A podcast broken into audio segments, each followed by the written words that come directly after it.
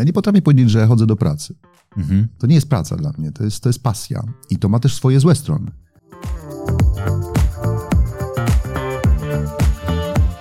Zdanie, które jest właśnie przywoływane przez kolejne zespoły, wściekły, to idź sobie do Jacksona. I taka cisza zapadła i ci muzycy już właściwie się trochę zaczęli ze mną żegnać, bo tak sobie pomyśleli, że to jest ostatnie zdanie, które powiedziałem w tym zespole.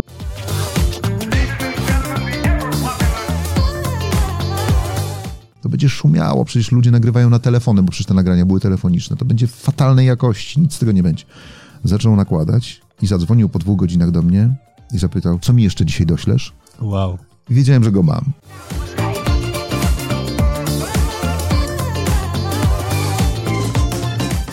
Dziękuję Ci bardzo, że słuchasz mojego podcastu. Bardzo Cię proszę o drobną przysługę oceń moją audycję. To ma wpływ na pozycjonowanie w rankingach. Twój głos ma dla mnie bardzo duże znaczenie. Zapraszam do wysłuchania kolejnego odcinka.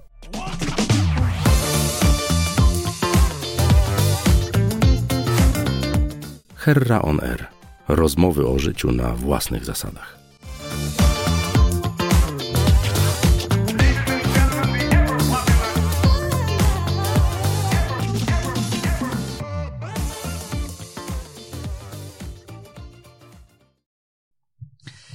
Hera on Air. Wywiad rzeka z tymi, którzy płyną pod prąd. A dziś? Dziś o kimś, kto, no właśnie, pewnie trochę pod prąd popłynął. W dużej mierze żyje na własnych zasadach, ale jednak trzyma się bardzo mocno reguł, linii melodycznej, no ale też no, takich zasad rządzących najbardziej, moim zdaniem, matematyczną sztuką na świecie, czyli muzyką kompozytor, producent muzyczny. No właśnie, właściwie gdybyśmy mieli wymieniać wszystkie funkcje, to, to by nam to zajęło całą audycję. Adam Sztaba, dzień dobry. Witaj, dzień dobry, witam cię Wojtku. Kiedy odkryłeś, że będziesz muzykiem? Nie pozostawiałem żadnych złudzeń od samego początku. Miałem lat 3-4 i wówczas y, wszystko, co było w zasięgu, było instrumentem. Łyżki uderzały o książki, szklanki grały, nalewałem wodę, żeby była różna wysokość dźwięku. Pianina jeszcze nie było, a dodam, że wychowałem się w rodzinie melomanów, nie zawodowych muzyków. Mhm. Tata inżynier, mama ekonomistka, bardzo lubiący muzykę, chodzący na koncerty za młodu. Potem jak już ja się pojawiłem, to oczywiście mniej tego było, ale w rodzinie nie doszukałem się żadnego dyrygenta zawodowego, ani skrzypka, nie wiem, pianisty. Także taki pierwszy facet się pojawił, y, czy dziecko może jeszcze wówczas w rodzinie i pierwszy wnuk, więc trochę zachuchany, mhm. taki trochę, wiesz, y, którym się trzeba było chwalić na, na uroczystościach. No i potem przedszkole oczywiście tradycyjnie i pani od rytmiki tak przyglądała się mi wnikliwie i widziała, że dzieci śpiewają, a ja się nudzę tym śpiewaniem. Tylko wolę to, co dzieci śpiewają, zagrać ze słuchu na przykład na cymbałkach albo na jakimkolwiek innym instrumencie, nie ucząc się tego wcześniej. I przyjrzała się mi i za, zapytała mojego tatę, czy nie chciałby mnie już posłać w wieku 6 lat do szkoły muzycznej. I tak się też stało. Poszedłem do szkoły muzycznej e, na popołudniowe zajęcia, czyli rano, bo, rano było przedszkole, mhm. a po południu były już e, zajęcia szkoły muzycznej. Także ta muzyka się ze mnie wylewała od samego początku, nie było żadnych dylematów. E, mało tego, dziś, mając tyle lat, ile mam, niczego innego tak naprawdę nie potrafię, więc to, było, to jest taka bardzo silna pasja, co ma swoje wady, bo jednak dzisiaj żyjemy w takim świecie, że warto mieć jakiś backup, tak? Ludzie myślą o drugim zawodzie, gdzieś w razie czego, jak się noga powinie, to ja takiego backupu, mówiąc szczerze, nie mam. Ale ta, ta pasja silna, tak silna powoduje, że ja się rzeczywiście w tym zatracam i poświęcam. Tak? Znaczy, z jednej strony mówisz, że nie masz backupu, a z drugiej strony w tym obszarze, która jest muzyką, czy też który jest muzyką, robisz bardzo dużo rzeczy. Różnych rzeczy, tak, mhm. bo y, staram się patrzeć na muzykę, jak w ogóle na sztukę, ale zwłaszcza na muzykę blisko siebie, mm, jako na e, wielkie e, jakby morze inspiracji, dlatego że myślę, że gubi ludzi bardzo często, chyba niezależnie od dziedziny, ograniczenie. To, co nas dzisiaj dopada, że patrzymy wąsko, że nie umiemy odejść od stereotypów, że nie umiemy spojrzeć szerzej, za siebie czasami nawet, nie umiemy się cofnąć. Patrzymy wyłącznie przed siebie i bardzo wąsko. Pewnie powodem jest amerykanizacja mhm. naszego świata, a tam są bardzo wąskie specjalizacje. Wystarczy spojrzeć na to, jak wygląda lista płac po filmie każdym, czy przyjrzeć się okładce płytowej. Tam jest naprawdę masa ludzi odpowiedzialnych za bardzo nieduże w sumie dziedziny. U nas y, zgoła odmiennie, bo to mały rynek y, i płytę na przykład mm, jeden człowiek miksuje, nagrywa orkiestrę, nagrywa bębny, gitary, potem jeszcze masteringuje i najczęściej jeszcze przygotowuje do tłoczenia winyli. I to robi jeden człowiek. Tam tych ludzi jest dziesiątka, piętnastka nawet. Może tak, ale wracając, y, szerokie spojrzenie bardzo mi ułatwia i też rozwija i też sprawia, że na pewno się czuję bardziej wszechstronny, a minusem jest to, że się trochę rozmywasz. Mhm. Bo po pierwsze, no jak poświęcasz czas gdzieś, to nie poświęcasz czas w innym miejscu, więc nie rozwijasz jednej dziedziny, w której stajesz się, nie wiem, dobry. Mm, no a plusem jest to, że poznaję całą masę tak, różn, tak różnych ludzi, tak różnie podchodzących do tego zawodu, że mnie to strasznie uczy i, i, i daje ogromną frajdę. Jaki masz ulubiony instrument? Właśnie, to jest pytanie, bo tak, gram na instrumentach klawiszowych, nie jestem multiinstrumentalistą, wbrew temu, co się czasami o mnie mówi. Ja piszę na każdy instrument właściwie, mm -hmm. symfoniczny, ale, ale to nie oznacza, że na nich gram, przecież to nie jest, nie jest tożsame. Więc y, klawiszowe są mi bliskie po prostu z natury, że gram na nich, czy to są organy kościelne, też miałem taki epizod w życiu w młodości, czy to jest oczywiście Naprawdę fortepian. grałeś na organach? Tak, miałem lat 15. Normalny kościół, co niedziela, czasami nawet dni powszednie, y, to była część mojej nauki tak naprawdę. -hmm. Oczywiście takiej nauki bez nauczyciela. Bardzo lubiłem harmonizowanie pieśni. Mm -hmm. Miałem takiego ulubionego organistę w swoim rodzinnym koszalinie, w którym się zasłuchiwałem, bo on pięknie harmonizował. Wiesz, to były pieśni, które oczywiście znaliśmy od zawsze, ale on dokonywał jeszcze tej wartości dodanej, co ja staram się robić w muzyce, żeby coś, co znamy czasami nawet, albo brzmi znajomo, dodawać coś takiego, co powoduje, że to wzlatuje na jakiś nowy, nowy poziom. I on to robił. Ja tak się podświadomie uczyłem od, od niego harmonii. Zresztą on przez chwilę również udzielał mi paru konsultacji muzycznych, a potem nagle spadł na mnie zaszczyt grania w katedrze koszalińskiej, wyobraź mhm. sobie. I miałem lat 15, rzeczywiście nie wiem, dlaczego zaufano e, dziecku, i który miał jeszcze włosy e, prawie za pas. No i rzeczywiście chodziłem przez dobry rok, może nawet więcej, do katedry koszalińskiej i grałem.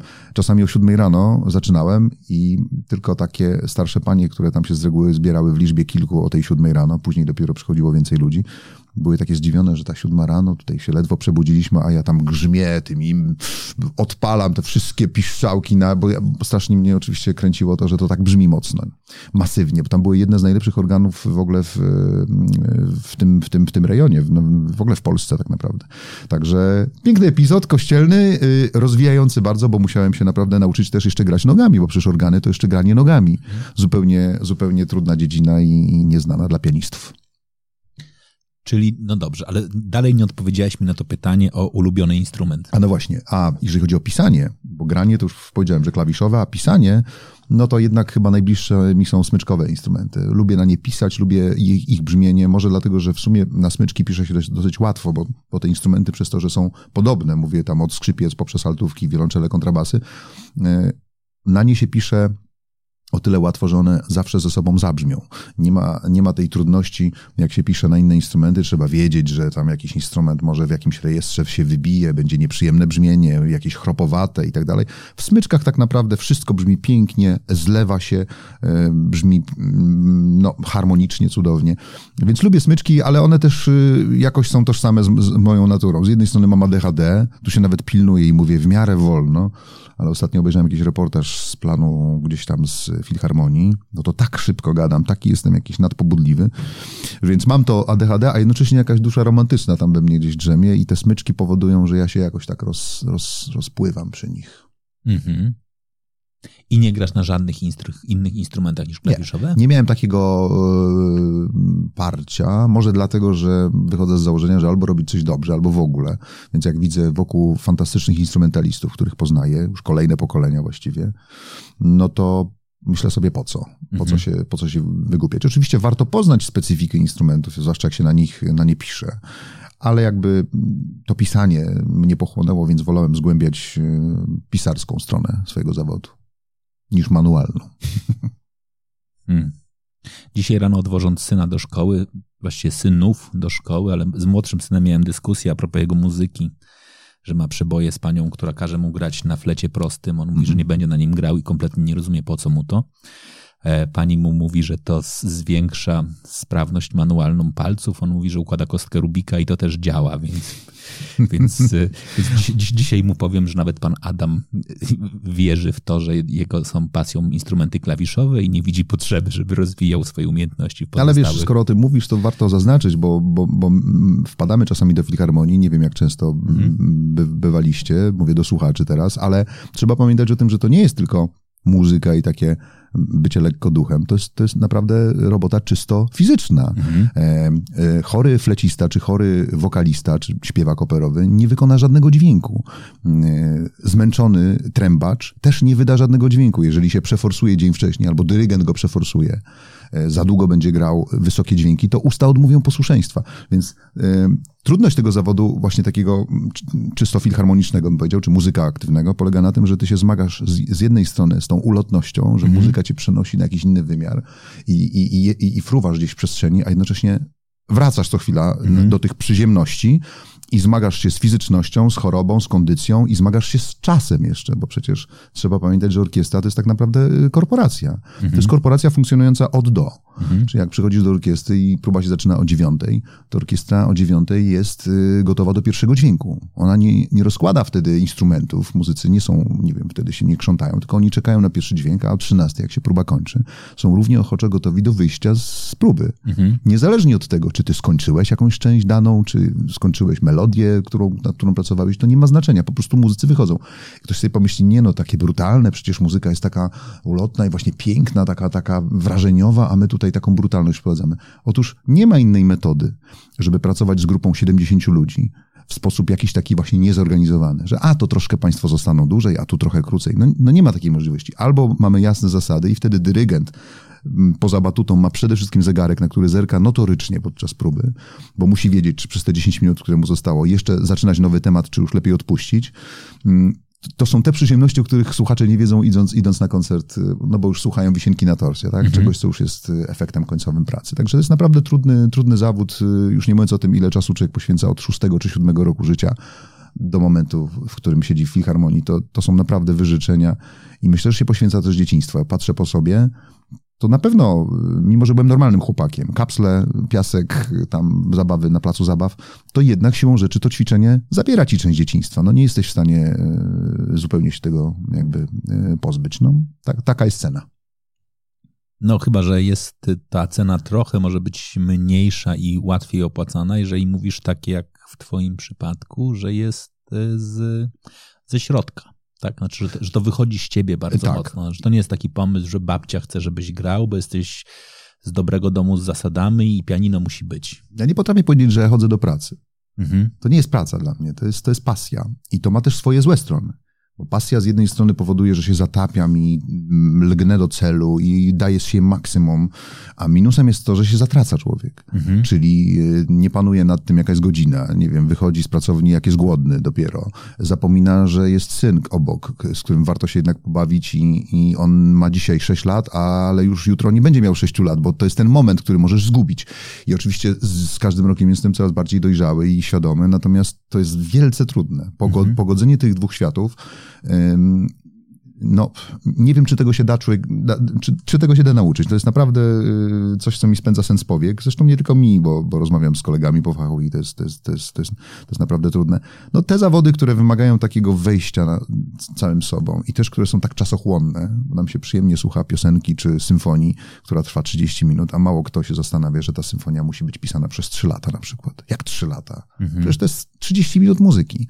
No i potem jak pokazuje nuty, ile jest informacji w takich nutach, symfonii Beethovena, jednej, drugiej, e, ile wymaga e, sytuacja najpierw wymyślenia tego w głowie, a potem przeniesienia tego na kartki. Już nie mówiąc o tym, że w tamtych czasach nie było komputerów, wszystko się przecież dokonywało manualnie.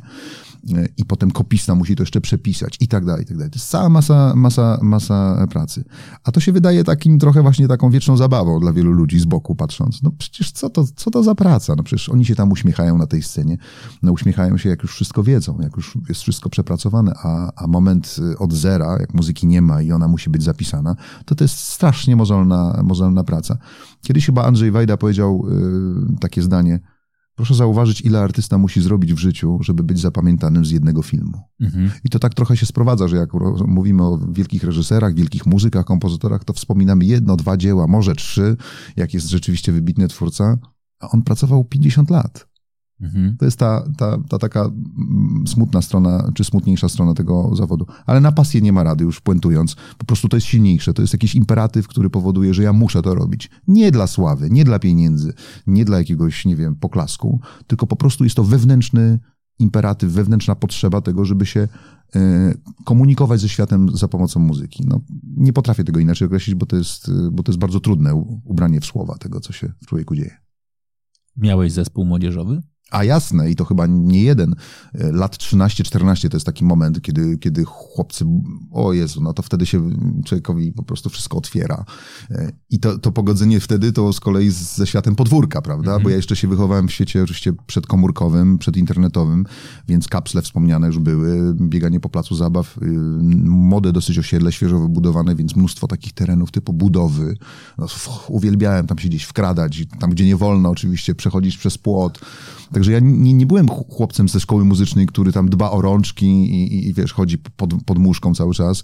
Nauczycielka jak zobaczyła odciski na, na ręku, bo chodziłem po takich metalowych drabinkach, bardzo uwielbiałem się wspinać, no to stwierdziła nagle, że ja mam wybrać, czy ja chcę być pianistą, czy chcę być po prostu, no nie Łobuzem. łobuzem, tak, chuliganem. To jest dobry moment, 12 lat czy 11 na to, żeby dokonywać decyzji życiowych, tak swoją drogą. Także nauczycielka była y, chyba druga z kolei, y, mówiąc szczerze, średnio udana, ale potem na szczęście trafiłem na wspaniałe pedagogzki od fortepianu. No i to się tak toczyło. A potem te zespoły rockowe, no to tak, to była ta odskocznia od tego Mozarta, Beethovena w szkole, że nagle idziesz do jakiejś sali prób i grasz z chłopakami rock'n'rolla. I co ciekawe, mimo że dzisiaj może tego nie widać po mnie, to, to ja się wychowałem na rock'n'rollu. To znaczy nie, nie właśnie, jak to często łączą ludzie klasyków, nie wiem, może z jazzem ewentualnie, bo to też taka elitarna sztuka w, w pojęciu wielu ludzi. Ja się wychowałem na brudnym rock'n'rollu, może nie takim najbrudniejszym, ale takim właśnie typu Led Zeppelin, Deep Purple. Tata mi podsuwał takie, takie nagrania głównie. Oczywiście pols, polskie zespoły też. Potem się trochę zakochałem też w skaldach, bo skaldowie to, to, to zwłaszcza te pierwsze płyty skaldów, to, to, były, to były sytuacje takie progresywne bardzo. To nie były piosenki, które znamy przede wszystkim, tylko właśnie długie utwory, 15-minutowe, ze świetnymi solówkami, z brudnymi brzmieniami. Także ja, mimo że szkoła muzyczna, to jednak cały czas mnie ciągnęło w, w, stronę, w stronę właśnie muzyki rockowej, rozrywkowej.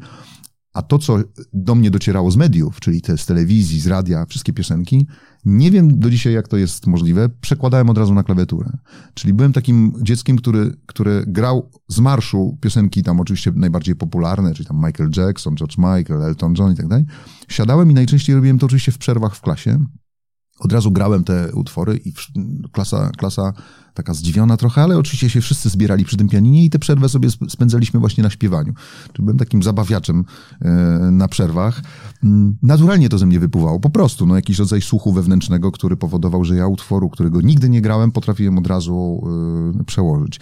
Mi się to potem przydało w takim programie, który nazywał się Idol, mhm. już w telewizji parę ładnych lat później i też reżyser Wojciech Iwański był taki zdziwiony, że przynoszą mi jakiś utwór, którego nie znam, albo nigdy nie grałem, tylko znam ze słyszenia i błyskawicznie go notując może jakieś parę informacji na kartce, przekładam na klawiaturę. No to jest jakiś dar, który, który mnie samego zaskakuje, no ale jak to nazwać? No to są, te, to są, no, to są takie dary, no po prostu, które jedni mają, drudzy nie i, yy, i jestem z tego oczywiście niezmiernie szczęśliwy, bo mi to pomaga w pracy, po prostu.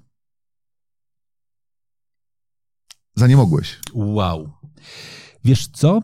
To ja bym chciał o Idolu też porozmawiać, ale Dobrze. zanim porozmawiamy o Idolu, chciałbym porozmawiać jednakże o Maryli Rodowicz. Dobrze, proszę jak, cię bardzo. Jak, jak trafiłeś do niej? To był śmieszny epizod, dlatego że ja jeszcze tylko wspomnę, co mnie, co mnie do Warszawy sprowadziło, bo to właśnie tam mnie usłyszała Maryla dosyć wcześnie.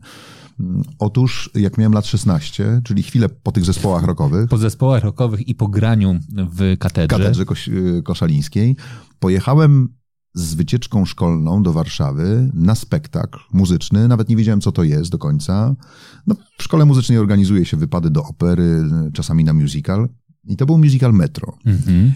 Warszawski w Teatrze Dramatycznym, wówczas grany. I ja miałem lat 16 i mną tąpnęło. To znaczy, ja nie byłem fanem musicalu, znałem opery, znałem Hair, West Side Story się gdzieś obiło na pewno, no ale nie wiedziałem zupełnie na co jadę. I to Metro czyli musical, który dziś już pewnie dobrze znamy, ale wówczas, w roku 90, tam chyba pierwszym czy drugim, no to był absolutny szok, zwłaszcza dla szesnastolatka, gdzie tak, ludzie śpiewają, jest nowoczesna choreografia, w kanale orkiestrowym muzycy grający na żywo, bynajmniej nie klasyczną muzykę, tylko właśnie taką, jak my to dzisiaj mówimy, crossoverową, czyli są bębny, jest gitara i są smyczki, jest puzon. Mm, choreografię już wspomniałem, lasery, to też w ogóle ewenement, żeby w tamtych czasach taka oprawa pojawiała się już zwłaszcza w teatrze światła znakomite.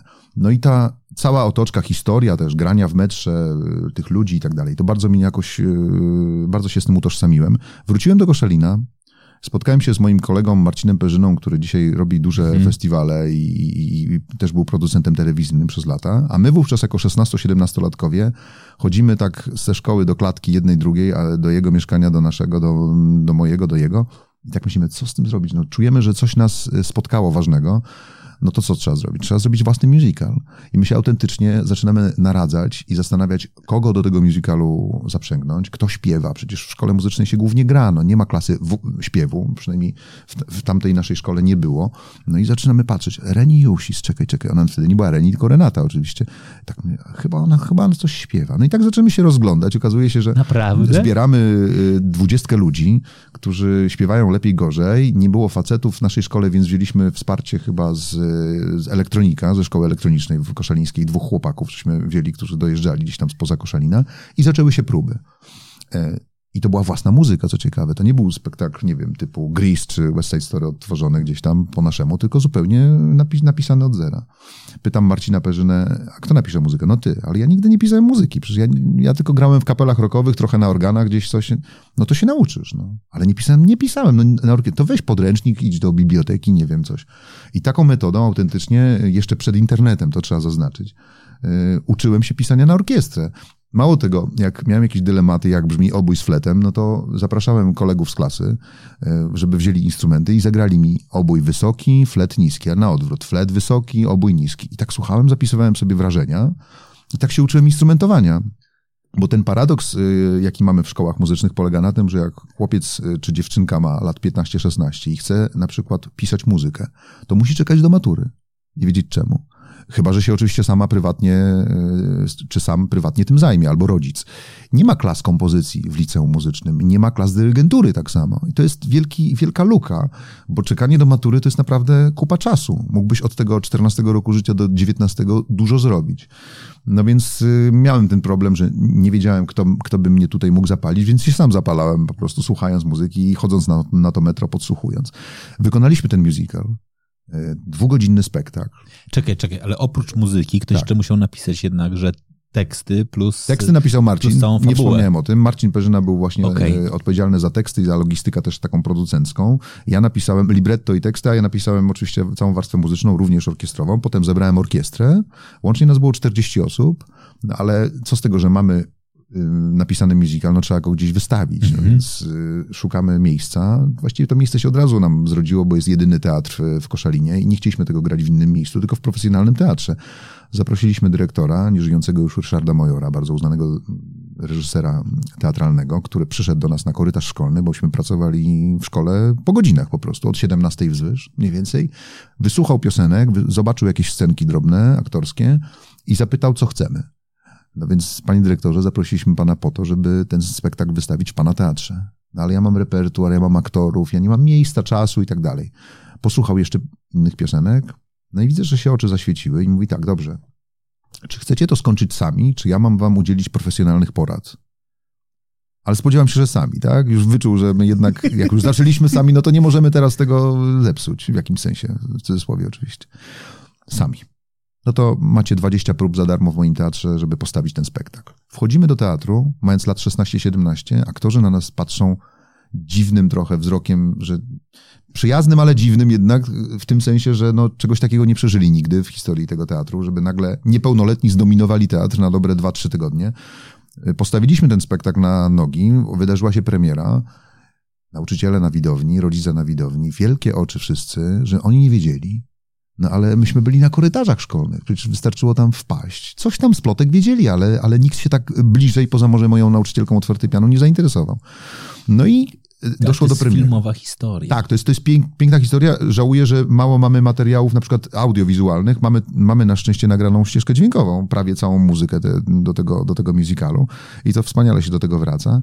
Ale puentując, bardzo wiele osób z tych osób, które były wówczas na scenie, zmieniło swoje plany życiowe pod wpływem tego musicalu debiutanckiego. Dlaczego? Bo mm, niektórzy chcieli zmienić zawód, chcieli iść w stronę, już nie mówiąc o tych chłopakach z elektronika, którzy mm. mieli naprawiać telewizory. Prawda? No więc jeden z nich jest naj, jednym z najlepszych dubbingowców w tej chwili w kraju. Adam Krylik, którego słyszymy w każdej bajce tak naprawdę y, dla dzieci i też fantastycznie śpiewa sam solowe projekty. Cała masa ludzi y, udała się do teatrów muzycznych. Też mm. tego nie planowali, bo mieli mieć flecistami, oboistami i tak dalej. Więc y, cieszę się niezmiernie, że taki bodziec, który na nas spadł, spowodował, że, że ci ludzie naprawdę poszli w zupełnie zaskakującym dla siebie e, kierunku. Piękne zdarzenie. Lubię do tego wracać i uważam, że to było najpiękniejsze, co mnie artystycznie spotkało, dlatego że wówczas zrobienie takiego musicalu w wieku 17 lat było absolutnie porywaniem się z motyką na słońce. Mhm. Mm, kolejne zdarzenia były ważne też, ale to było zupełnie dziewicze e, i to spowodowało, że pojechałem do Janusza Stokłosy, autora musicalu Metro, tak czy jest. kompozytora, właśnie z tą muzyką, z tego swojego debiutanckiego spektaklu. Po co? No po to, żeby się pochwalić z jednej strony, poznać Janusza Stokłosę, zapytać o opinię i tak dalej. To jeszcze było przed maturą, chwilę przed maturą, pół roku. Wręczam mu tę e, kasetę wówczas jeszcze, nie płytę. I on mnie pyta o to, czy ma wyrazić się pozytywnie najpierw, czy negatywnie chodzi o spostrzeżenie. No mówię, no to zacznij może, zacznijmy może od y, negatywnych. No i powiedział, że tutaj trochę przegadane, tu za gęsta instrumentacja, ta piosenka za długa, tu bardzo dobrze i tak dalej. No a potem dobre, jakie masz plany? Plany miałem wówczas katowickie, dlatego że wówczas y, w 90 latach, na, w połowie, mm, tylko w Katowicach można było uczyć się jazzu i muzyki rozrywkowej, jeżeli chodzi o pisanie. No więc Janusz Stokłosa mówi, nie, zdajesz do Warszawy. No, ale tu jest jednak w Warszawie klasyczna uczelnia, ja się trochę tego boję. Złóż papiery tu i tu, co ci szkodzi? Egzaminy się nie pokrywają. Egzaminy do Warszawy wydarzyły się wcześniej i byłem jednym z czterech studentów, których przyjęto na kompozycję na Akademię Muzyczną. W garniturku e, podczas, no, po inauguracji roku akademickiego, bo to jeszcze znowu, znowu podkreślę, że to tele, epoka przedkomórkowa. Janusz Stokłosa potrzebuje cię w swoim teatrze, biegnij do niego. Więc biegnę na Plac Trzech Krzyży, Jesteś, dostałeś się na akademię? Tak, jestem w Warszawie. Dobrze, wyjął plik y, nut, jakieś 300 kartek może. Mamy poniedziałek, zerknął na zegarek. W czwartek grasz pierwszy spektakl. Aha. I okazało się, że właściwie od pierwszego dnia pobytu mojego w Warszawie byłem asystentem i takim drugim pianistą, kierownikiem muzycznym w teatrze Buffo. I tam właśnie dopowiadając, odpowiadając na twoje pytanie, usłyszała mnie Maryla Rodowicz. Przyszła po prostu na jeden ze spektakli, zobaczyła, zapytała, kto zacz i mniej więcej tydzień, dwa tygodnie później wylądowałem w studiu nagraniowym studia Buffo, bo tam, bo tam zresztą do dziś jest fantastyczne studio nagraniowe i nagrałem dwa fortepiany dla niej na płytę Złota Maryla, no a potem chwilę później zaprosiła mnie do tego, żeby kierować jej zespołem. No i byłem dwudziestoletnim kierownikiem muzycznym zespołu Maryli Rodowicz. Taka historia. No dobrze, to jak to jest być dwudziestoletnim mhm. kierownikiem zespołu no, jednego z bardziej uznanych? No przede wszystkim współpraca z Marylą i, i e, negocjowanie, bo to chyba tak trzeba nazwać, różnych e, mhm. tematów muzycznych, e, jaki repertuar, w jaką stronę, jak zaaranżować, no to, to to na pewno było zderzenie. Ja nie wiem, jak tak patrzę na te sceny czy przypominam sobie te sceny, albo przypominają mi muzycy, mm, to nie wiem skąd było we mnie ta, taka właściwie bezczelność nawet. Mhm. Coś takiego jest, że ja poza muzyką ra, raczej staram się być grzeczny i ułożony. Z takiego domu wyrosłem, a w muzyce nie lubię kompromisów. Nie, nie, lubię, nie lubię wchodzić w jakieś takie nieprzyjemne właśnie jakieś, czy niepotrzebne mm, konszachty, które mają, nie wiem, ukrócić moje spojrzenie, nie wiem, zmienić je i tak dalej. Więc Tutaj były potyczki mhm. z Marylą często, ale okazało się, że ona chyba tego potrzebuje. To znaczy, ona potrzebuje takiego mocnego e, kierownika muzycznego, który się też postawi. Mhm. No a ja raptem te 20 lat, brak doświadczenia w sumie jakiegoś wielkiego, ale stawiałem na swoim absolutnie. No, jedna z historii takich, które wspomina się podobno do dziś w zespołach już kolejnych Maryli, była, kiedy ona uparła się, żeby utwór Nie ma jak pompa, fantastyczny zresztą, mm -hmm. z tekstem Agnieszki Osieckiej i muzyką Jacka Mikuły, bardzo taki zharmonizowany, schromatyzowany utwór, trudny. Ona wymyśliła sobie, żeby go zaśpiewać mm, tak jak e, w zbliżonym aranżu do utworu Jam Michaela Jacksona. Mm -hmm. Tam jest taki beat i ona tak, nie ma jak pompa. I sobie śpiewała do tego Jacksona i bardzo jej się to podobało. Ja powiedziałem, zobaczę, nie, po, nie potrafię ci w tej chwili powiedzieć, czy to się uda, ale przyjdę za parę dni. Przyniosłem zupełnie inny aranż, bo uważałem, że to jest niedobra koncepcja. Ona się tak obruszyła na maksa i powiedziała, że przecież ten Jackson, no ja ci pokazałem zupełnie coś innego. I ja w, próbowałem ją przekonać do swojej koncepcji, nie udawało się. Po 30 minutach chyba powiedziałem zdanie, które jest właśnie przywoływane przez kolejne zespoły wściekły, to idź sobie do Jacksona.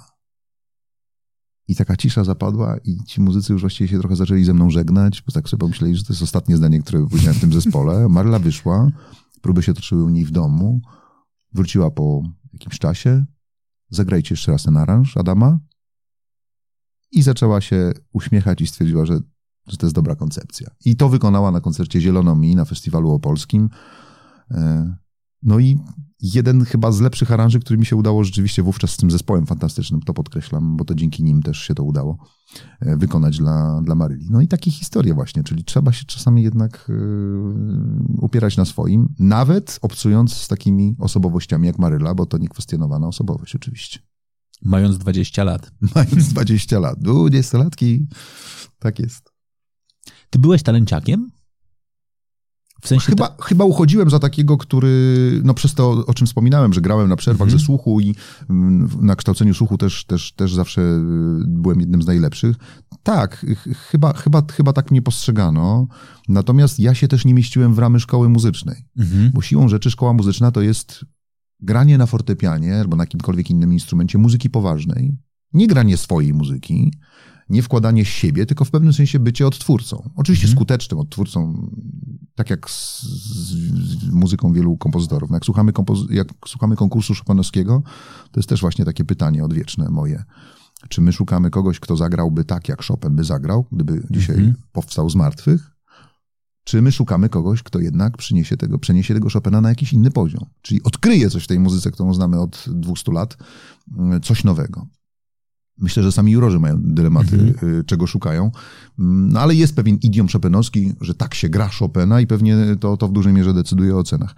Krótko mówiąc, y, ja byłem człowiekiem, który od razu próbował gdzieś coś od siebie wrzucać w muzykę. Nawet grając tego Chopina czy Mozarta, ja już go grałem nie po mozartowsku tak naprawdę mhm. i nie po Chopinowsku. I to się nie mieściło trochę w tym kanonie i pamiętam, że jak już kończyłem szkołę, to jedna z takich starszych y, pedagożek powiedziała, że ona wiedziała, że jestem zdolny i bardzo dobrze, że zacząłem pisać muzykę, bo, bo, bo ona się martwiła, że ja się może właśnie nie odnajdę, a, a ona czuła od początku, że ja mam talent. I to jest ten paradoks, że, że, że są ludzie, którzy się wymykają tym kanonom i szkoła jest trochę bezradna, nie? nie mhm. jest w stanie nic jakby zrobić. Oczywiście mogą spróbować zaprosić jakiegoś profesora z zewnętrznych tam miast, uczelni i tak dalej, ale mówiąc szczerze, nie ma takiego y, pomysłu czy takich y, działań wymyślonych y, programowo, żeby takie jednostki wspierać. Ja na szczęście byłem pracowity. To jest, mhm. to jest, to jest ważna cecha, która musi wspierać talent. Co z tego, że masz talent? Ja znam mnóstwo utalentowanych ludzi, którzy, o których nie pamiętamy dzisiaj, albo zmienili zawody, bo zabrakło determinacji, zabrakło właśnie pracowitości. To jest też, też, też niezwykle ważne. Trzeba się cały czas jednak rozwijać, wiedzieć, czego się chce. Świat nie przyjdzie do nas sam. Mhm. To wiedzą doskonale artyści, którzy próbują zrobić karierę w Stanach na przykład. Artyści z Europy. Tam nikt na nich nie czeka. I wygrywają tak naprawdę ci, którzy wykazują się niezwykłą determinacją. Można by było roztoczyć historię o kompozytorach różnych, o Jania Pekaczmarku, y, o paru innych ludziach. Oni opowiadali o tym w wywiadach, co to były początki w Stanach. Niewiarygodne czasy, potwornie trudne. Zmaganie się z, z takimi problemami, o których nawet, nawet, nawet szkoda mówić, bo to, bo to jest po prostu niezwykle przykre.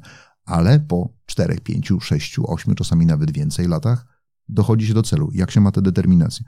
I to jest o tym, o tym, o tym opowieść, że trzeba się rzeczywiście, mm, trzeba wiedzieć doskonale, e, co się ma i trzeba to rozwijać. Nie ma, nie ma innej drogi. Samo z siebie nie przyjdzie.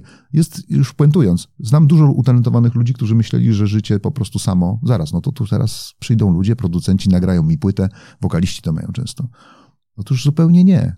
Wygrywają, w cudzysłowie, ci ludzie, którzy jak najwięcej wiedzą. Mhm. Co chcą nagrać, dla kogo chcą nagrać. Najlepiej jak sami piszą, bo liczenie na innych z reguły się kończy klęską.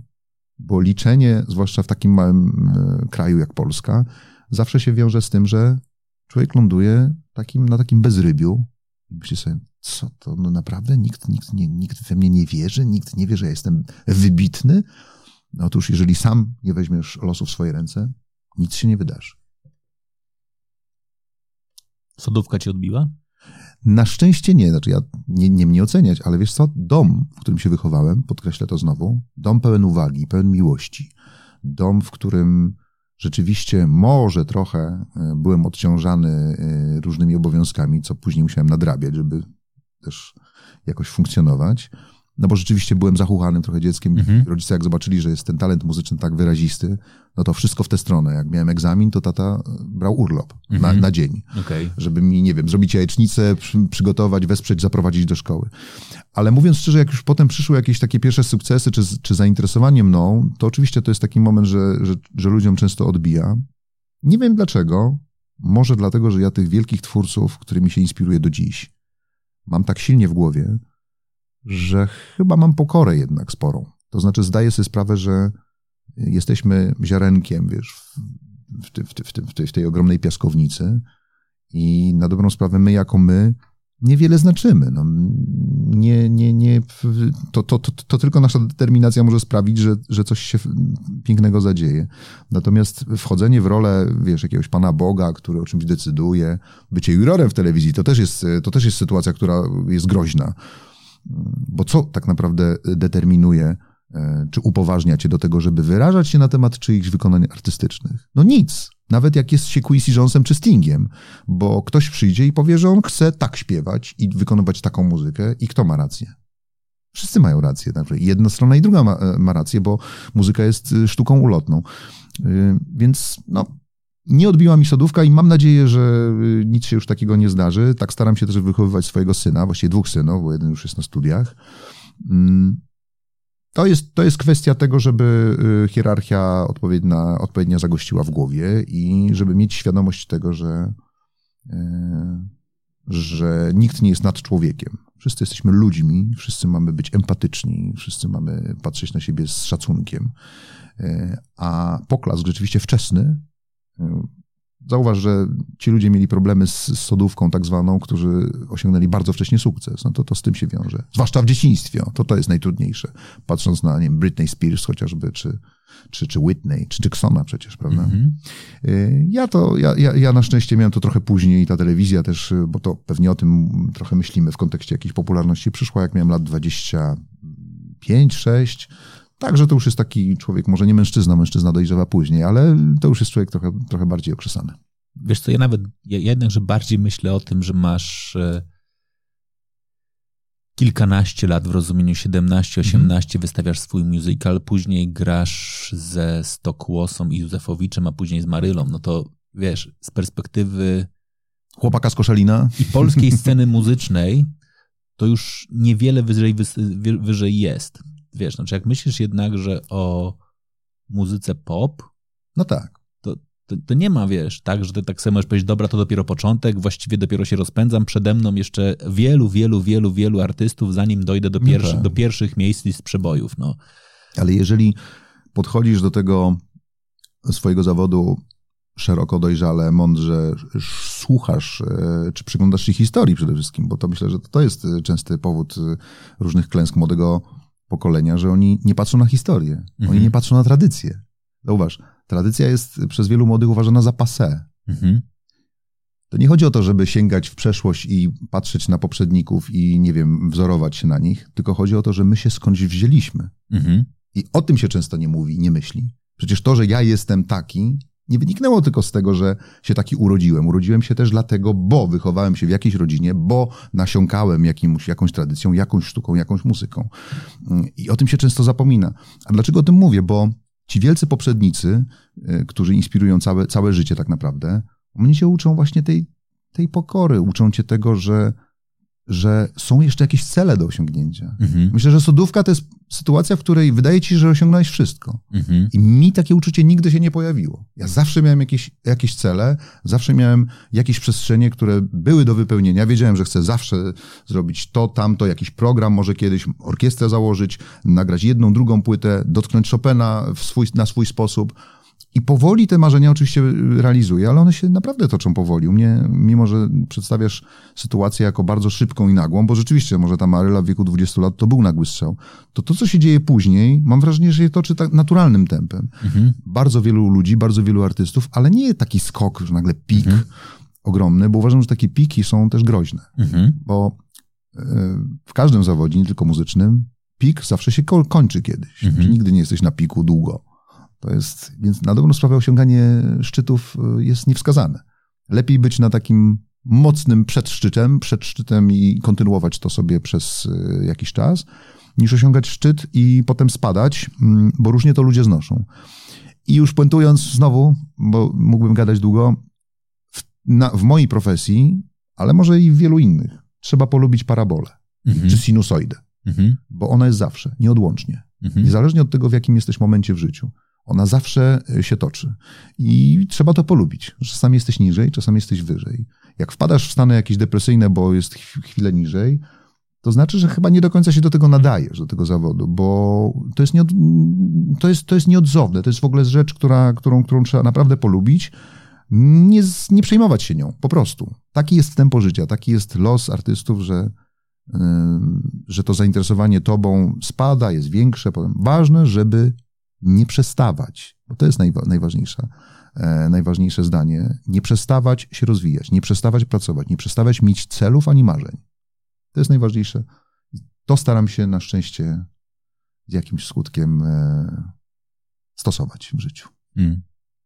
Jest taka bardzo ładna książka w ogóle na ten temat, zresztą o już prawie że wspomnianym przez ciebie tytule, czyli Szczyty i Doliny czyli jak dokładnie radzić sobie z dobrymi i złymi czasami. I tam mhm. jedna z najważniejszych takich e, przesłań jest, że jak wchodzisz na jeden szczyt i na niego wejdziesz, to to, co przede wszystkim uzyskujesz, to nowy, nową perspektywę. W związku z tym widzisz kolejne szczyty, które nie były widziane, bo były przysłonięte. Tak ale żeby na nie wejść, trzeba zejść do doliny jednak. Znaczy nie da się przejść z jednego wierzchołka na drugie, trzeba trochę zejść na dół, spokornieć, po to, żeby znowu się zacząć wspinać. Absolutnie tak jest. Y, poznawanie ludzi bardzo uczy, poznawanie nowych przestrzeni muzycznych bardzo uczy, y, dotykanie właśnie nieznanych y, rejonów. Ja strasznie lubię, nie wiem dlaczego, od chyba zawsze, łamanie stereotypów. Stereotypy mnie denerwują, mhm.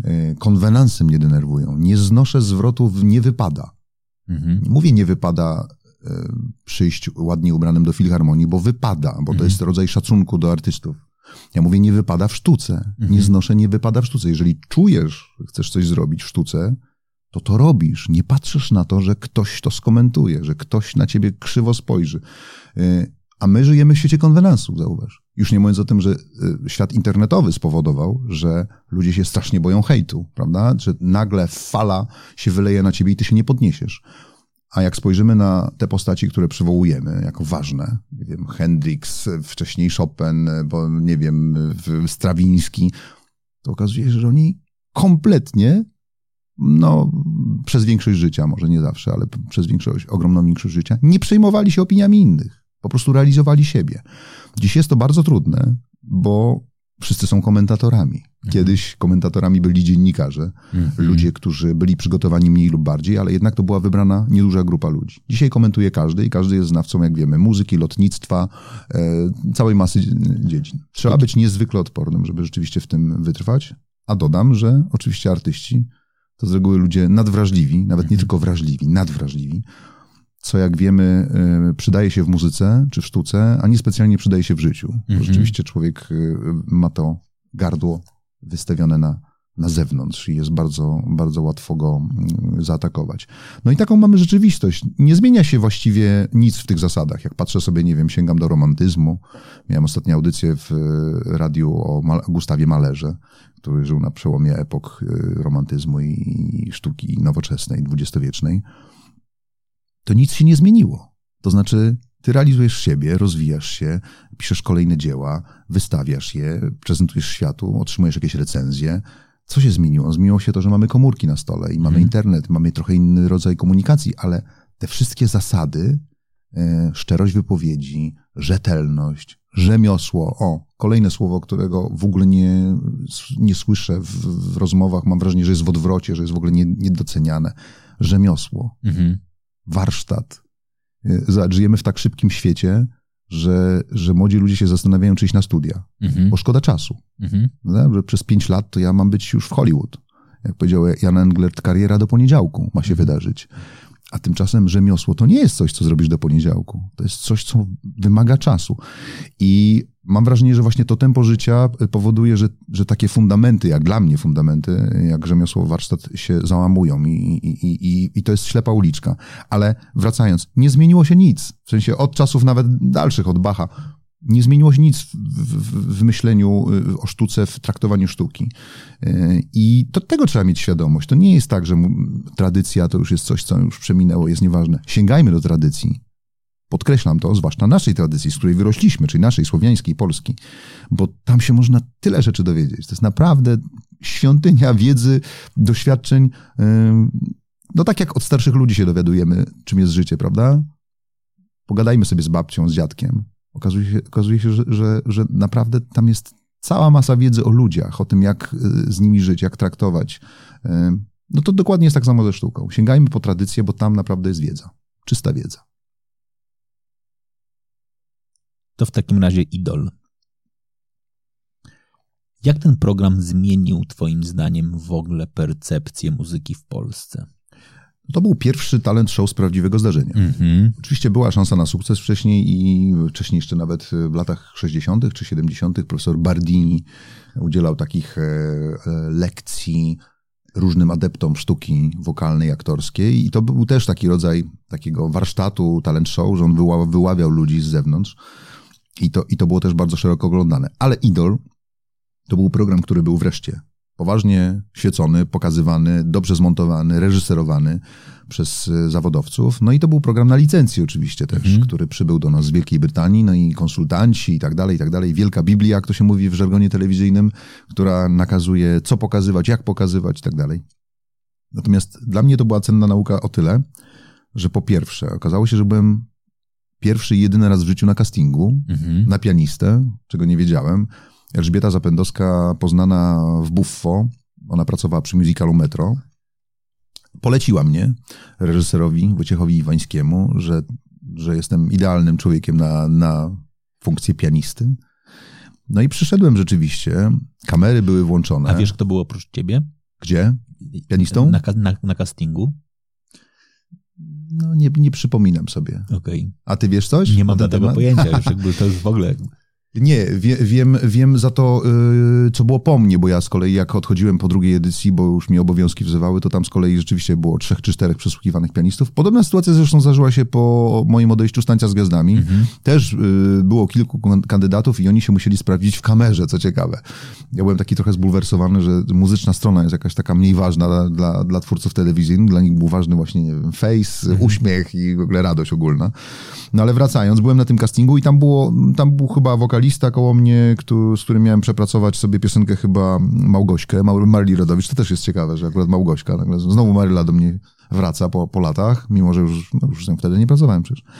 I chodziło o to, żeby pracować nad tym utworem i oni to filmowali i zobaczyli sobie, jak ja to robię. No więc szybko spisałem, no akurat tego utworu nie musiałem spisywać, bo go dobrze znałem, ale praca z ton, dobór tonacji szybki i tak dalej. No i potem się okazało, że że zwyciężyłem, tak, nieświadomie zresztą, i pojawia się program. I teraz tak, gram, pierwszy etap tego programu to było granie wyłącznie z fortepianem, mhm. później były koncerty. I zaczęły do mnie spływać jakieś takie informacje od różnych słuchaczy, widzów, że tu użyłem takiego akordu, a tu zrobiłem świetny myk jakiś aranżerski, a to tempo było znakomite i otworzyło coś nowego w tym utworze i tak dalej. Okazało się, że ci ludzie przed telewizorem wyłapują naprawdę poważne detale. Mhm. Zdałem sobie sprawę, że ja nie jestem na uboczu, jak gdzieś nie jestem drugim planem, tylko właściwie jestem wystawiony centralnie na, na widok, na słuch. I to była taka cenna nauka, że w telewizji niczego się nie ukryje. Mhm. I druga cenna uwaga, że to nie jest tak, jak myśli wielu do dziś twórców telewizyjnych, że widz jest głupi. Mhm. Albo widz jest nieosłuchany, nie wiem, widz jest tępy, czasami padają nawet hasła, że widzowi to trzeba tak prosto, łatwo, przyjemnie i tak dalej. Oczywiście, że to jest prosta droga, bo wtedy się może załapie szerszy krąg, ale wtedy spadamy w dół. Mhm. Bo jeżeli próbujemy się przypodobać widzowi, to tyczy się również muzyki, już zawężając sprawę do kompozycji. No. Jeżeli próbuję się przypodobać i myślę, pisząc nowy utwór, jak zareaguje widz, jak zareaguje słuchacz, to znaczy, że ja już wchodzę w, w jakieś uwodzenie. Mhm. Nie można tego robić, absolutnie. Staram się tego unikać. No i y, Idol był tym takim pierwszą moją wielką przygodą telewizyjną, y, w której musiałem się zderzyć na przykład ze słuchawką w uchu i y, zdaniami pięć, cztery, trzy, jesteś na antenie. No i teraz 26 czy 7 latek musi nagle y, zderzyć się z prowadzeniem dużego zespołu, wszystko się toczy na żywo, y, nieprzewidziane zdarzenia, y, no, niczego nie poprawisz. Live, mhm. który ogląda, nie wiem, 8 milionów czy 7 milionów ludzi. Mhm. No poważne zdarzenie i skoro już o nieprzewidzianych sytuacjach, to dopowiem o zdarzeniu z Szymonem Wydrą, który przychodzi do mnie 5 minut przed live'em i mówi, słuchaj, śpiewam skrzypka na dachu, jak wiesz, nie umiem tego tekstu dobrze tam się mogą zdarzyć różne rzeczy, nie ma promptera, coś, bo no, nic mi nie podpowie, więc jakby się coś zdarzyło, to ja zatrzymam utwór, mówi Szymon i coś, jakąś scenkę rodzajową zagram i potem zaczniemy od nowa ewentualnie. I rzeczywiście on wychodzi i, i się myli. I mówi stop, stop, stop, stop, stop. Adasiu, jak grasz? Jak cię uczyłem? No co tu się dzieje? A ty jak do, do gitarzysty? No co to za akord? Co to za brzmienie jest? No i nie wiem, co tam się działo w wozie. Myślę, że tam były dramaty. Zastanawiałeś się, czy zejść na reklamę, czy nie zejść, czy coś, co... No i on zaczyna od nowa. Ja myślałem, no tak, to może tak zaczynać od nowa 70 razy. No, nigdy się ten utwór nie skończy. Na szczęście jakoś wybrnął. Ale poinformował mnie o tym, nie wiem, 5 albo 3 minuty przed wejściem na live. I, czyli nagle oglądasz program, w którym nie tylko musisz dbać o stronę muzyczną, tylko o, o wszystkim o emocje, o to, o, o opanowanie nad tremą. Piekielnie trudne, naprawdę. A potem się chyba uzależniłem od live'ów, bo do dziś zresztą y, bardzo lubię koncerty na żywo i na dobrą sprawę ta moja działalność muzyczna się skupiała już w, w późniejszych latach właśnie na działalności takiej koncertowej, telewizyjno-koncertowej, gdzie większe zespoły, już stawałem przed większymi orkiestrami, grały na żywo właśnie. Nie studio, cieplutko, bezpiecznie, możemy wszystko poprawić, tylko właśnie ta adrenalina. Jakoś stałem się uzależniony od, od, od, od, od tych emocji związanych y, z koncertowaniem na żywo. Zresztą do dziś to lubię, a to moje odchodzenie z tych programów Idola czy Tańca z Gwiazdami wynikało z tego, że ja lubię zaczynać coś, co jest nowe, co jest ciekawe, a potem się trochę męczę tym, czy nudzę, bo ileż można y, robić y, podobnie. Jak już czuję, że jest zjadanie własnego ogona, zresztą u Maryli było trochę podobnie, że ja po trzech latach zrozumiałem, że ja już niczego nowego od siebie nie wniosę, muszę gdzieś yy, iść w inną uliczkę, to wtedy się ucieka. Trzeba mieć trochę odwagi oczywiście, żeby to zrobić, wszyscy się pukali w czoło, jak ty możesz odchodzić z tańca z gwiazdami, przecież ogląda to parę milionów ludzi. A ja po czterech edycjach, bo zrobiłem cztery, nie wiem czy aż, czy tylko, cztery edycje, wiedziałem, że już w tej konfiguracji nic ciekawego od siebie nie wniosę. Będę się męczył już w tym trochę, kosztem rodziny zresztą, bo to było straszne, straszne pisanie i takie bardzo, bardzo, bardzo uciążliwe. I taką mam zasadę. Jak czuję, że się coś wypala, to trzeba uciekać, bo, bo wtedy człowiek się stanie, staje taki destrukcyjny dla innych również i trzeba tego unikać po prostu. Jak powstała twoja orkiestra? No właśnie trochę na potrzeby programu. Sam bym jej pewnie nie założył w 2005 roku, mm. kiedy powstawał Taniec z Gwiazdami, a tymczasem reżyser mm, wspomniany już Wojciech Iwański, z którym zresztą robiłem wcześniej Idola, powiedział, Adam, robimy program o tańcu. Ja ucieszyłem się nawet, ach, w końcu jakieś takie, jakaś taka ciekawa fuzja. A myślałem pierwotnie, że chodzi o taniec nowoczesny. Mhm. Tymczasem chodziło o taniec towarzyski. Trochę się zmartwiłem, bo ja tej estetyki jakoś tak nie, nie kupowałem do końca. Ta solarka przejaskrawiona, wiesz, dziwne make-upy, jakaś taka, jakiś taki blichtr nie, nieprzyjemny. Stwierdziłem, dobra, ja i tak robię swoje po mhm. prostu. I zebrałem najlepszych snajperów, jak to mówiłem w naszym muzycznym żargonie, jak, jakich, jakich znałem. I nagle ci ludzie, których poznawałem przez lata, zasiedli w, jednym, w jednej orkiestrze. 20 osób około. Y, I teraz tak, znałem ich właściwie osobno z różnych formacji, widzę ich razem, no to myślę sobie, jak ja piszę te nuty, które oni będą grali, to ja będę pisał pod nich. Rzeczywiście bardzo wiele utworów Wydarzyło się konkretnie pod Michała Dąbrówkę, który grał na perkusji, pod Bartka Jakubca, gitarzystę i tak dalej, pod Piotra pianistę wspaniałego, mm, który się wychował pod Leszkiem Możderem właściwie y, w Gdyni.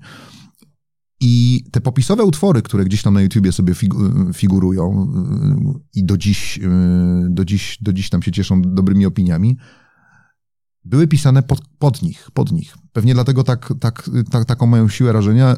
To, to nie jest moja opinia, tylko piszą do mnie młodzi ludzie, już kolejne pokolenia muzyków, którzy się uczą na tych nagraniach. Jakieś takie tango, budki, które jest zupełnie zmienione, czy jakieś, jakieś inne utwory. Dlatego, że tam rzeczywiście jest popis tej orkiestry. Ja stwierdziłem, że musi być taki moment w programie, że kamery są skierowane na tych ludzi. Mhm. Bo normalnie ich nie widać po prostu. No ten tańczy jedna para, druga, są iroży, a muzycy gdzieś tam na widnokręgu nie, nie widać, kto tam gra. Równie dobrze można by było włączyć podkład z mhm. płyty i byłoby tak samo. A ja się uparłem rzeczywiście i mówię do, do twórców telewizyjnych, do całej dyrekcji stacji, że zróbmy taki epizod. No i na szczęście, aha, a byłem przekonywany tak, że mm, panie Adamie, Proszę zobaczyć, tu jest oglądalność i pokazywano mi kartkę. Tu jest spocona Małgorzata Foremniak, mhm. tutaj jest y, Kasia Cichopek, a tu jest pana utwór. I spadek po prostu o, nie wiem, 40%. Ja mówię, wspaniale, ale proszę mi wierzyć, że te utwory mm, zostaną na dłużej i one będą na pewno y, później odtwarzane i dobrze zrobią. No i potem się okazywało, że oczywiście głównie muzycy najpierw reagowali na to, że ależ wygracie, ależ, ależ tam jest ludzi przede wszystkim w tym, w tym, w tym mhm. orkiestronie, bo my tego nie wiedzieliśmy. No a teraz się okazuje, że mało kto pamięta spoconą Kasi Cichopek, a, mhm. a ludzie wracają właśnie do, do tych naszych y, popisowych utworów. Niezmiernie mnie to cieszy, że to, że to tak działa. Jak to jest zebrać, no właśnie, najlepszych snajperów mhm. i zadbać o to, żeby oni grali na siebie? Ja się tego długo uczyłem, yy, czy długo, ale na pewno chwilę. Ja podchodziłem do orkiestry w pierwszych miesiącach pracy przez pryzmat siebie. Mhm. Nie siebie, mm, że ja tam stoję na, na przodzie i siebie lansuję, tylko mierzyłem ich swoją miarą. To był podstawowy błąd, jaki robiłem. Dlatego, że to, że ja poświęcałem rodzinę, sen, zdrowie, mm, żeby efekt był jak najlepszy, nie oznacza, że oni, moi muzycy, mają tak samo podchodzić. Każdy jest inny, każdy ma swój sposób podejścia. Oczywiście to nie chodzi o to, żeby, mm, żeby, żeby mm, nie wiem, zabierać poziom grania, w jakimś sensie, nie wiem, e, być wyrozumiałym w kontekście właśnie jakichś, jakichś ubytków zawodowych. Nie, nie, trzymałem poziom artystyczny e, tak, tylko chodziło o metody pracy. Mhm. Był taki moment, kiedy, kiedy pracowałem trzecią godzinę i zapomniałem o przerwie. Zobaczyłem spoconych muzyków, czerwone oczy i jeden z nich e, poprosił takim już ledwo, ledwo słyszalnym głosem, Adam, może przerwa? ja zrozumiałem, że to, to nie tędy droga. Mhm. Ja pracuję z ludźmi, ja nie pracuję z komputerem, który się może przegrzać ewentualnie, nie wiem, procesor się może przepalić, ale generalnie się nie męczy, prawda? To są ludzie i, i, i chwilę się tego uczyłem. To, to nie było łatwe. Mm, I do dziś mam też trochę z tym problem, że na przykład przerwa w filharmonii, takiej profesjonalnej filharmonii w Polsce czy, czy na świecie, która trwa pół godziny, nie wykańcza. Mhm. Dlaczego aż tyle? Pracujmy, ludzie, to jest marnowanie czasu. A jednocześnie wiem, że muszę się podporządkować. Każdy ma e, swój, każda instytucja ma też swój jakiś e, tok, tok działania. Także to była cenna nauka. Jak chcesz pracować z ludźmi, myśl o ludziach, być, e, bądź empatyczny, staraj się mieć świadomość, co oni przeżywają, czyli wejdź w tę drugą stronę. Także nie dość, że dyrygent musi pisać, znać e, doskonale to, co ma na pulpicie dyrygenckim, to jeszcze musi myśleć o całej masie innych problemów naokoło, których chyba przeciętnie słuchacz nie myśli, nie zdaje sobie sprawy z tego. No bardzo to jest trudne, to jest bycie liderem, tak naprawdę takim liderem, liderem. Na dobrą sprawę dyrygowanie jest zawodem trochę bez zasad. To znaczy, nie ma czegoś takiego, że ktoś spisał w podręcznik e, jedynie słuszną drogę bycia dyrygentem. Mhm. Bycie dyrygentem można ująć w jedno zdanie. Bo, bądź taki, czy staraj się postępować tak, żeby ludzie za tobą poszli. Czy to jest taka uniwersalna prawda każdego lidera korporacji, jednej czy drugiej, prawda? Muszę tak taką postawę zaprezentować, tak się do ludzi odnosić, żeby oni chcieli za mną pójść. Mhm. A mam przed sobą ludzi różnych. Mówię teraz na takiej orkiestrze dużej symfonicznej. Mam ludzi dwudziestoletnich, mam ludzi mhm. pięćdziesięcioletnich, mam ludzi e, grających na smyczkach, na dentych. To są zupełnie różne instrumenty. Tutaj kondycja jest taka, tu kondycja jest owaka. Ludzi e, o różnej muzykalności, o różnej wrażliwości. I ja muszę do nich przemówić takim językiem, żeby wszyscy chcieli za mną pójść. Żeby się nie zbuntowali i, i, i, i zagrali maksymalnie najlepiej, jak potrafią. To jest ta podstawowa trudność, że trzeba rzeczywiście znaleźć jakiś wspólny język i, i przekonać tych ludzi do siebie. Mhm. Jak stoisz, to ty widzisz, kto ile daje z siebie? Ty obejmujesz całą orkiestrę? No, nie sposób, nie sposób aż, tak, aż tak wnikliwie patrzeć na orkiestrę, ale mm, na pewno czysto słuchowo jestem w stanie objąć orkiestrę. Mhm. Czyli błąd, z którego pulpitu, z którego miejsca pochodzi, wysłyszę. Jak są smyczki, to oczywiście to jest trudniejsze, bo smyczków jest często 25-30 mhm. osób, no to pojedyncza osoba, no gdzieś słyszę, że z tamtej strony się toczy błąd. No jak jest klarnet, czy flet, czy puzon, to to są pojedyncze instrumenty, które łatwiej wyłapać. Natomiast widać oczywiście, czy jest zaangażowanie, mhm. widać, czy jest ochota, widać, czy koncertmistrz, który siedzi po lewej stronie mojej, albo koncertmistrzowie, którzy są rozsiani też po całej orkiestrze, bo ich jest, ich jest więcej, czy mają pytania, czy chcą, e, zgłębiają e, strukturę, czy tak podchodzą, dobra, zagrajmy, idźmy do domu. E, widać to, oczywiście, że to widać, ale czasami, jak nie widać, to to jest moje kolejne zadanie, żeby mhm. było widać, mhm. żeby jutro było jeszcze mocniej, jeszcze bardziej energetycznie, Mój cel, jak idę do takiej orkiestry, której nie znam, to jest to, jest to żeby przez trzy dni oczywiście się polubić, mhm. znaleźć słabe punkty tej orkiestry i mocne, ale głównie skupić się na słabych, wyćwiczyć te punkty, nie przeforsować muzyków, to co wspominałem, że usta potrafią odmówić posłuszeństwa i nie będzie koncertu, i w piątek wyjść najlepiej przygotowanym, jak to możliwe w tym czasie i zagrać fantastyczny koncert. To jest ta największa trudność. Y, a jak się spodziewasz, y, ludzie patrzą na dyrygentów różnie.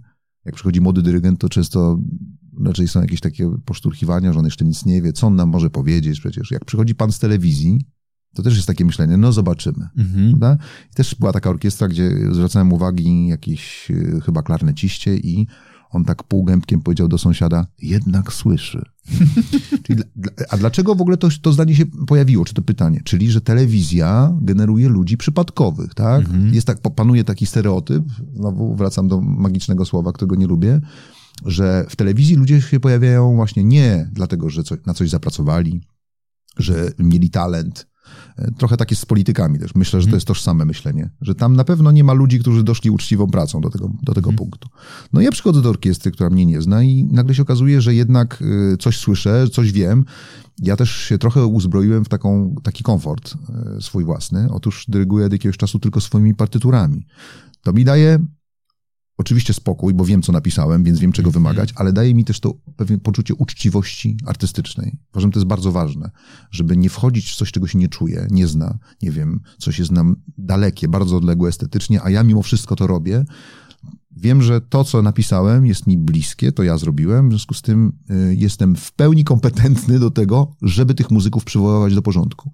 Gdybym stanął przed muzyką, partyturą Haydna czy Mozarta, nie czułbym takiej kompetencji, bo nie jestem takim typowym klasycznym dyrygentem. Jeżeli dyryguję swoimi partyturami, czy to są aranżacje, czy to są kompozycje, czuję się uczciwy jakby wobec siebie i wobec muzyków, że mogę wyrażać opinie i mogę ich y, przywoływać do porządku. I tak sobie takimi wolnymi krokami, bo przecież to nie od razu przyszło, zbudowałem taki, taki swój świat, w którym się czuję bezpiecznie, ale też, y, ale też czuję się wolny, bo wspomniałeś na początku, jak mi przedstawiałeś, że, że że, że, że ta niezależność, czy wolność, czy nie wiem jak to zwać, jest ważna. Tak, yy, to jest dla mnie najważniejsze chyba w tym zawodzie. Czuć się wolnym, nie, nie wchodzić, yy, czy nie, nie czuć na sobie jakichś pręgierzy, takich właśnie nieprzyjemnych, estetycznych, jakiegoś narzucania woli, nie. Ale wiem też, że jestem szczęściarzem tym samym, bo bardzo niewielu ludzi to może tak z czystym sumieniem powiedzieć, że są wolni artystycznie. Jak, du jak dużo zmienia orkiestra w takim razie? Bo ty powiedziałeś, że przychodzisz do różnych orkiestr ze swoimi partyturami, ty dyrygujesz? No właśnie. Czy to oznacza, że te same utwory mają zupełnie inny wykon z uwagi na to, że, że jest inna orkiestra? Jasne. No. Konkurs Chopinowski to pokazuje. Jak pianiści, którzy grają te same nuty Chopina, tak. potrafią różnie zabrzmieć. Jak to jest możliwe? Przecież to są te same nuty. Oni patrzą na te same kartki. I co to jest w takim razie e, ta odmienność? Skąd się ona bierze? Ona się bierze stąd, że każdy człowiek jest inny i ten element ludzki w muzyce jest szalenie ważny. Nuty, jak to mawia maestro Maksymiuk, to jeszcze nie jest dzieło. Mm-hmm. Nuty się stają dziełem wtedy, kiedy przefiltrują się przez muzyków, przez ich wrażliwość, e, przez ich e, drogę całą i, i tak dalej. To, kim są, jakich instrumentów używają, w jaki sposób ich używają. I to jest święta prawda. Muzyka ożywa tylko wtedy, kiedy wejdzie w nie żywy człowiek. E, I dlatego te same nuty, które rozdaje jednej orkiestrze, zabrzmią inaczej. Ja jestem od tego, żeby jakąś intencję zbudować. O co mi chodziło, pisząc te nuty i tak dalej. Ale mnie to też ciekawi bardzo, że, że te same partytury mogą inaczej zabrzmieć. Bo to, bo, to, bo to nagle jest, wiesz, taka loteria, że nie wchodzisz w coś, co jest zawsze okupione. No, spodziewasz się tego samego i tak dalej. Przypomina mi się chyba Zbigniew Namysłowski, o nim też niedawno prowadziłem swoją audycję autorską z jego synem Jackiem wspaniałym. I Jacek powiedział, że jego ojciec nie znosił, y, nie wytrzymałby w filharmonii, nie znosił odtwarzania codziennie czy co drugi dzień tego samego. On na przykład prowadził kiedyś zespół Czesława Niemena mhm. Mm, i wytrzymał tam krótko dosyć, bo musiał grać te same sekcje dente przez, y, na każdym koncercie. A on jako jazzman jest wolny. On ma improwizować, on, każdy koncert jest inny. Każdy ma inną koncepcję tego zawodu, ale mówię o tym dlatego, że w orkiestrach tak naprawdę też każdy koncert jest inny. Mimo, że my gramy te same nuty, Beethoven po raz 78 grany, on za każdym razem ma trochę inny wymiar. Wystarczy, że nie przyjdzie jeden muzyk, wymieni się jeden z drugim. Wystarczy, że oczywiście jest inny dyrygent. E, wystarczy, że jest trochę inny dzień. Ciśnienie nawet wpływa na to, że mam, czujemy inne tempo. Także ta, ta magia jest nieustanna w orkiestrze. Trochę inna może w jazzie, gdzie improwizacja potrafi nagle potrwać 15 minut, a nie 5 minut. Wiadomo. Ale muzyka żyje tylko wtedy, kiedy wkracza w nią żywy człowiek czyli wnosi w nią siebie. Nie podchodzi z automatu, nie podchodzi e, z rutyną, e, tylko za każdym razem jest ten rodzaj wyjątkowości. No, staram się e, celebrować chwilę. I mówię o tym też muzykom. Ten koncert już się w takiej konfiguracji nigdy nie powtórzy. Zauważcie. I oni nagle tak, ale rzeczywiście. No, znaczy, tak patrzą na siebie, no ale możemy się przecież spotkać w tym samym... No tak, ale to już nie będzie ten dzień po pierwsze kalendarzowy, już będziemy starsi chociażby. Y, cała masa czynników wpływa, że każdy koncert jest wyjątkowy. Będziemy emocjonalnie inni, na pewno. Znaczy, bo na pewno będą nas niosły inne zdarzenia. Tak, dokładnie tak. Czy twój zawód jest łatwy do tego, żeby był jakby bezgraniczny? Mam nadzieję, mam na myśli jakby przejście na koncertowanie za granicą, na bycie właściwie w dowolnym miejscu na scenie, czy jednakże jesteś mocno zlokalizowany? Y, kiedyś rozmawiałem z Maćkiem Szturem, gdzieś w garderobie się minęliśmy i mm, pytałem go o teatr nowy y, Krzysztofa Warlikowskiego, jego podróże po świecie i tak dalej. On -hmm. mówi, wspaniale się podróżuje, gramy to, te spektakle w różnych miejscach świata, ale jednak jest bariera językowa. -hmm. To znaczy można wyświetlić napis, oczywiście na górze, tak jak się to w operach zdarza, -hmm. ale komunikacja jest trochę inna jednak się rzecz. My muzycy, e, grając oczywiście muzykę instrumentalną, bez tekstu, mamy uniwersalny język. Mhm. Ja wysyłam nuty w każdy zakątek świata i wszystkie, wszyscy te nuty przeczytają dokładnie w taki sam sposób. Oczywiście mówię interpretacji, mogą zagrać mhm. trochę inaczej, ale, ale przeczytają jasno, w taki sam, w taką samą stronę to zinterpretują. I to jest wielka przewaga muzyków, na pewno. Można żyć w każdym miejscu świata i te nuty wysyłać, e, tworzyć, pisać i tak dalej. Ale jednocześnie jest serce e, i to i pewien rodzaj przynależności. Profesor Penderecki mógł mieszkać w każdym zakątku świata mhm. i nie mógł żyć bez Polski. Czuł, że e, jednak te Lusławice w okolicach Tarnowa, na pięknej takiej przestrzeni e, pełnej przyrody, cudownej, już nie wiem, co ogrodzie jaki zbudował, e, to było jego miejsce.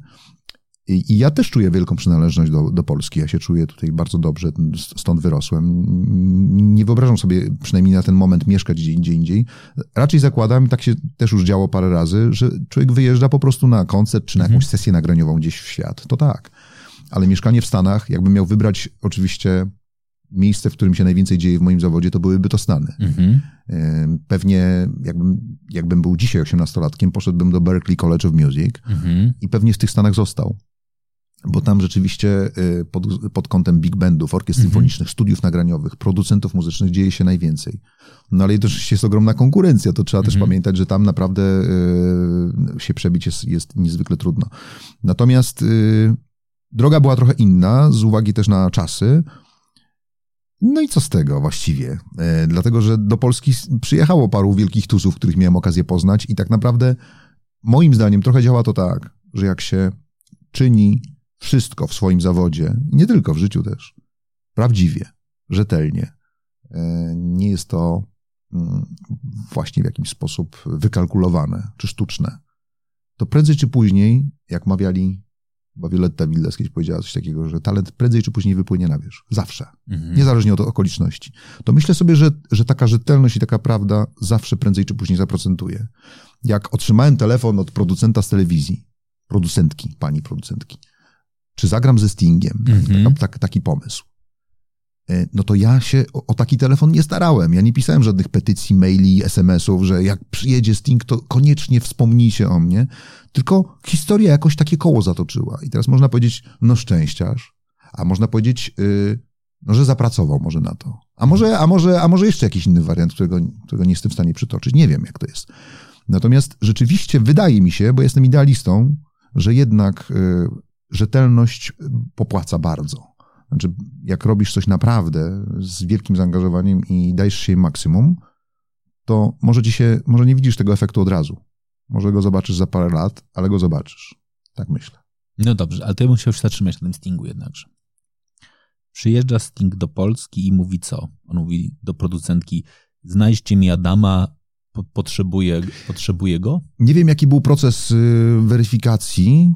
Na pewno y, przesłuchiwał nagrania różnych orkiestr, różnych dyrygentów. Y, Wówczas zasiadła na scenie Polska Orkiestra Radiowa.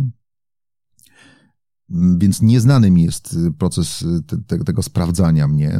Natomiast no, wiem jedno, że ten facet jest każdego dnia w innej części świata. Mhm. Więc musiał na pewno wybrać taki zespół, który bardzo szybko Mhm. podoła trudnemu zadaniu. Nie był to może długi koncert, bo tych utworów to był taki mini recital trwający, nie wiem, 20-30 minut może najdalej. Y, I myśmy się poznali w dniu koncertu. Naprawdę? Tak. Myśmy pracowali z orkiestrą wcześniej, oczywiście przez parę dni. Zespół przyjechał oko, około 13 godziny i sprzęt się niestety opóźnił, bo wylądował gdzieś tam w jakimś korku w podwarszawskich Jankach. Jeszcze nie było obwodnic dzisiejszych, więc y, opóźnienie było dość duże. Menadżer Stinga chodził nerwowo po scenie i powiedział, że jak do 16 ten sprzęt nie zajedzie do teatru, to Sting będzie śpiewał na żywo, bo nie umie inaczej, Mhm. ale będą podkłady i my będziemy udawali. Mhm. Nawet nie powiedziałem tego orkiestrze, bo orkiestra była naprawdę dobrze przygotowana i czekaliśmy na ten sprzęt. Przyjechał ten sprzęt na szczęście na czas. Technicy błyskawicznie rozłożyli e, backline, czyli, czyli, czyli Mhm. sprzęt y, sekcji rytmicznej e, Stinga, bo on był ze swoją sekcją rytmiczną. No i zasiedliśmy i zaczęliśmy grać. Godzina 17, przedstawiliśmy się sobie, a chwilę wcześniej jeszcze, co było ważne, Sting witał się z każdym z, muzyka, z- z każdym z muzyków, no prawie może z każdym z muzyków, i oni byli tacy zdziwieni, jak to jest możliwe, że, że on jest pierwszy na scenie, nie wchodzi na koniec, z, nie wiem, ze skortą jakichś ochroniarzy i nie wydaje jakichś komend nieprzyjemnych, tylko po prostu jest strasznie empatyczny, strasznie taki blisko ludzi. Yy, Pytał mnie o wszystko, czy może się przywitać z orkiestrą, czy może, czy nie będzie problemem, yy, jeżeli zagramy ten utwór raz jeszcze odrobinę szybciej, bo on czuje, że dzisiaj chciałby to yy, odrobinę szybciej zagrać. Ja byłem, ja byłem partnerem dla niego, nie wydawał żadnych poleceń, że to tu i tak i teraz to ma być, to się ma zdarzyć. E, Bardzo podziękował, a po koncercie, bo przypomnę, skończyliśmy próbę około 17, 17.30 powiedzmy, a o 19 wchodziliśmy na antenę. To, to mniej więcej tak to wyglądało. To po koncercie powiedział, że mm, orkiestra ta, Polska Orkiestra Radiowa, była najlepiej przygotowaną orkiestrą zewnętrzną, z którą pracował y, podczas tego tournée a chodziła jeszcze z nim menadżerka Deutsche Grammophon, czyli firmy, legendarnej firmy e, wydawniczej, e, która, która wydawała tę płytę symfoniczną Stinga i też to podkreślała, że, że, że, że, że, że, było, że było fantastycznie i że Sting takich opinii nie wydawał. No i teraz oczywiście chwalę się tym i cieszę nie- niezmiernie. To była taka dosyć krótka chwila, potem jeszcze jakieś wymienialiśmy e, parę tam gdzieś e, różnych kontaktów po drodze. Ania Jopek czasami, która się Mhm. widuje ze Stingiem na świecie, to, to, to, to, to, też, to też wspomina, że jeszcze chyba nie umie do końca wymówić mojego nazwiska, ale się stara bardzo, E, bo to niełatwe. Natomiast, natomiast myślę sobie, że to jest opowieść o tym, i to teraz mm, nie mówię o sobie, żeby to nie zabrzmiało nieskromnie. Wszyscy ci ludzie, którzy pracowali na ten Mhm. koncert, każdy z osobna z tych muzyków, ale też ludzie, których nie było widać, czyli ludzie tworzący dźwięk który, i telewizyjny, i dźwięk na sali, to byli ludzie dobrze obsadzeni, ludzie na właściwych miejscach, z odpowiednim podejściem. I to jest moim zdaniem klucz. Żeby takie coś się wydarzyło i udało, że artyści poznają się dwie godziny przed wejściem na antenę, a potem grają koncert, który dużo ludzi komentuje w ten sposób, że wyście pracowali ze dwa tygodnie razem, mhm. czy przynajmniej tydzień. Nie. Myśmy pracowali 40 minut, dwie godziny temu. I to jest właśnie o tym powiedzieć, że każdy wykonuje tę swoją robotę Kora się kiedyś obruszyła, jak powiedziałem, jaką robotę? Jak mm -hmm. ty mhm. mogłeś powiedzieć robotę o muzyce? To jest robota, mm -hmm. to jest rzemiosło i warsztat, to o czym wspominałem. To jest robota do wykonania, piękna, zjawiskowa, cudowna, ale robota. I jeżeli każdy wykona tę robotę na, we właściwy sposób i będzie to właściwy rodzaj pasji, podejścia, to można przenosić góry. Co zmieniło ostatnie dwa lata? Mam Pandemia? Na, mam na myśli pandemię. No sporo zmieniła. W moim życiu takim powiedzmy tej stronie pisarskiej, w której spędzam sam ze sobą, niewiele się zmieni. Mhm. To tak jak reżyserzy dźwięku, e, poza tym, że nie nagrywali może zespołów, tylko miksowali bardziej, to też ta praca się niewiele zmieniła. No zmieniło się to, że nie było koncertów oczywiście, nie było integracji e, z, z ludźmi, interakcji ludzi też nie było. I to działało depresyjnie na wielu. Mhm. Ja, ja aż tak bardzo tego nie przeżyłem, ale przeżyłem z kolei, jak wiedziałem o wielu muzykach, którzy na przykład zastanawiają się nad zmianą zawodu. Mhm. To bardzo przeżywałem i wielu, wielu, wielu z nich wylądowało, nie wiem, na budowie nawet, mhm. z tych naprawdę snajperów, mhm. snajperskich środowisk, mm, czy rozwozili pizzę i tak dalej. I tu zastrzeżenie od razu, to nie są gorsze zawody. Mhm. Tylko ja uważam, że miejsce talentu jest na scenie po prostu. Więc jak widzę wspaniały talent, który y, musi się rozdrabniać gdzieś tam i tracić czas, a przede wszystkim zarzucać instrument, coś w czym jest fenomenalny, no to, no to mam ogromny, ogromny żal. I to czasami nie było dobrze odbieralne, oczywiście, że muzycy narzekają w pandemii. No wszyscy mieli źle oczywiście, no ale jednak, jeżeli ktoś tylko występował na scenie, mhm. nie miał y, talentu do nauczania, do prowadzenia webinarów, do, mhm. nie wiem, robienia warsztatów, no to nagle poległ kompletnie, no, na, na pełnej linii. Musiał, musiał się zastanawiać nad zmianą zawodu. No i oczywiście często bywały takie, jak słyszałem, nie tylko jakieś tam swoje reakcje na, na swoje słowa, tylko też reakcje kolegów. Oni narzekają, jak to muzycy, przecież oni żyją ponad stan i tak dalej. No i, to, i tu pokutuje, pokutuje oczywiście postrzeganie naszego zawodu jako tego, który, y, który postrzegają ludzie przez pryzmat gwiazd. Mhm. Sześciu, pięciu, siedmiu może gwiazd, które grają Sylwestra w telewizji i zarabiają niebotyczne pieniądze. Otóż nasza branża muzyczna, łącznie z tymi ludźmi, których nie widać, to jest 60 tysięcy ludzi mhm. w Polsce. Mhm.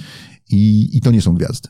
I to są ludzie, którzy, którzy funkcjonują naprawdę, y, często le, wiążąc ledwo koniec z końcem ale robią to głównie dlatego, że to jest pasja właśnie. Mhm. Także w takim małym rynku, na takim, może nam się wydaje, kraj 40-milionowy, wielkim krajem, ale on w sensie muzycznym jest niewielkim krajem i takim pewnie będzie do końca, to, y, to jest zawód ideowy bardzo często. Na tym zawodzie bardzo trudno się dorobić jakichś wielkich y, sytuacji.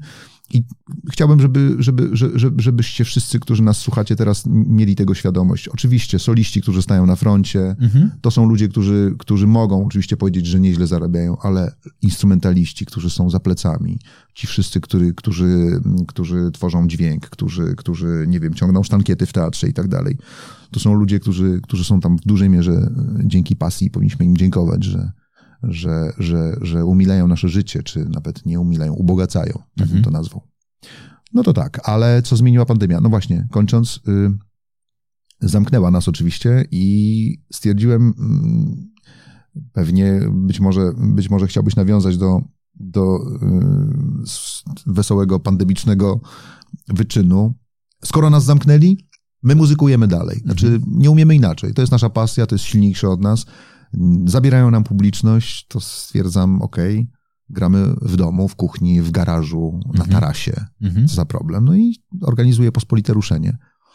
Mm, pod wpływem rozmowy z żoną właściwie, na kanapie, w domu. Od tak, zróbmy jakieś pospolite ruszenie.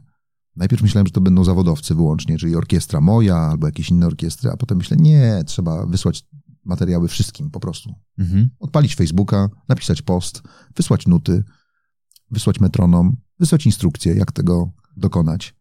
No i sześć dni dałem ludziom. Wiedziałem, że jak więcej czasu dam, to, się to rozmyje. Sześć dni. No i zaczęły spływać, zaczęły spływać yy, zgłoszenia. Pierwszego dnia tam 50, drugiego 60. Stwierdziłem, że na, na 200 się skończy. No a potem była jakaś histeria i spłynęło już 200 dziennie. No i Wow. łącznie zobaczyłem 732 foldery. I oczywiście nie byłbym w stanie tego sam zrobić, bo nawet nie miałem takiego założenia. Wcześniej umówiłem się z y, twórcą klipu i twórcą dźwięku, Leszkiem Kamińskim, reżyserem dźwięku i Jackiem Kościuszko, twórcą klipu, że taka sytuacja będzie. Jasne, jasne, robimy. Po czym jak zobaczyli skalę zjawiska, to zaczęli się wymiksowywać trochę, tak troszkę bokiem, coś, że są zajęci. Ja mówię, panowie, ja bym tego nie ogłaszał, gdybym nagle zobaczył, że waszą rezygnację. No dobrze, mówi Leszek Kamiński, który nagrywał naprawdę setki płyt. Mhm. Płytę Edyty Bartosiewicz, T-Love, Katarzyny Nosowskiej. No to jest facet, który zjadł zęby na reżyserii dźwięku i on mnie pyta z bezradnością pięciolatka, co on ma z tym zrobić. Ja mówię, Leszek, podejdź do tego jako nowe wyzwanie. Kiedy nagrywałeś 60 perkusji naraz? Mhm. No nigdy. No właśnie, masz wyzwanie, no. Mówi, ja nagrywałem jedną, a dobrą. No to podejdź jakoś inaczej, znajdź jakiś pomysł na to. Ale jak ty chcesz te 60 perkusji pokazać? Każdą po sekundzie i zmieniać, przeskakiwać z perkusisty na perkusistę, czy naraz? Wydaje mi się, że powinniśmy pokazać skalę zjawiska, że mamy te 700 ponad osób. No dobra, dobra, słyszę jakieś takie wzdychania. Mówię, dobrze, wyślij mi perkusję samą. Wysłałem mu tych 60 perkusistów. On zaczął rzeczywiście wkładać jedną na drugą. Najpierw mówi, to będzie szumiało, przecież ludzie nagrywają na telefony, bo przecież te nagrania były telefoniczne. To będzie fatalnej jakości, nic z tego nie będzie. Zaczął nakładać i zadzwonił po dwóch godzinach do mnie i zapytał, co mi jeszcze dzisiaj doślesz? Wow. I wiedziałem, że go mam. A Jacek Kościuszko, twórca klipów też dla wielu polskich gwiazd, zastałem go na łódce na Mazurach, Mhm. bez internetu. Jak powiedziałem, że ma ściągnąć 400 gigabajtów danych, to powiedział, że to jest niemożliwe.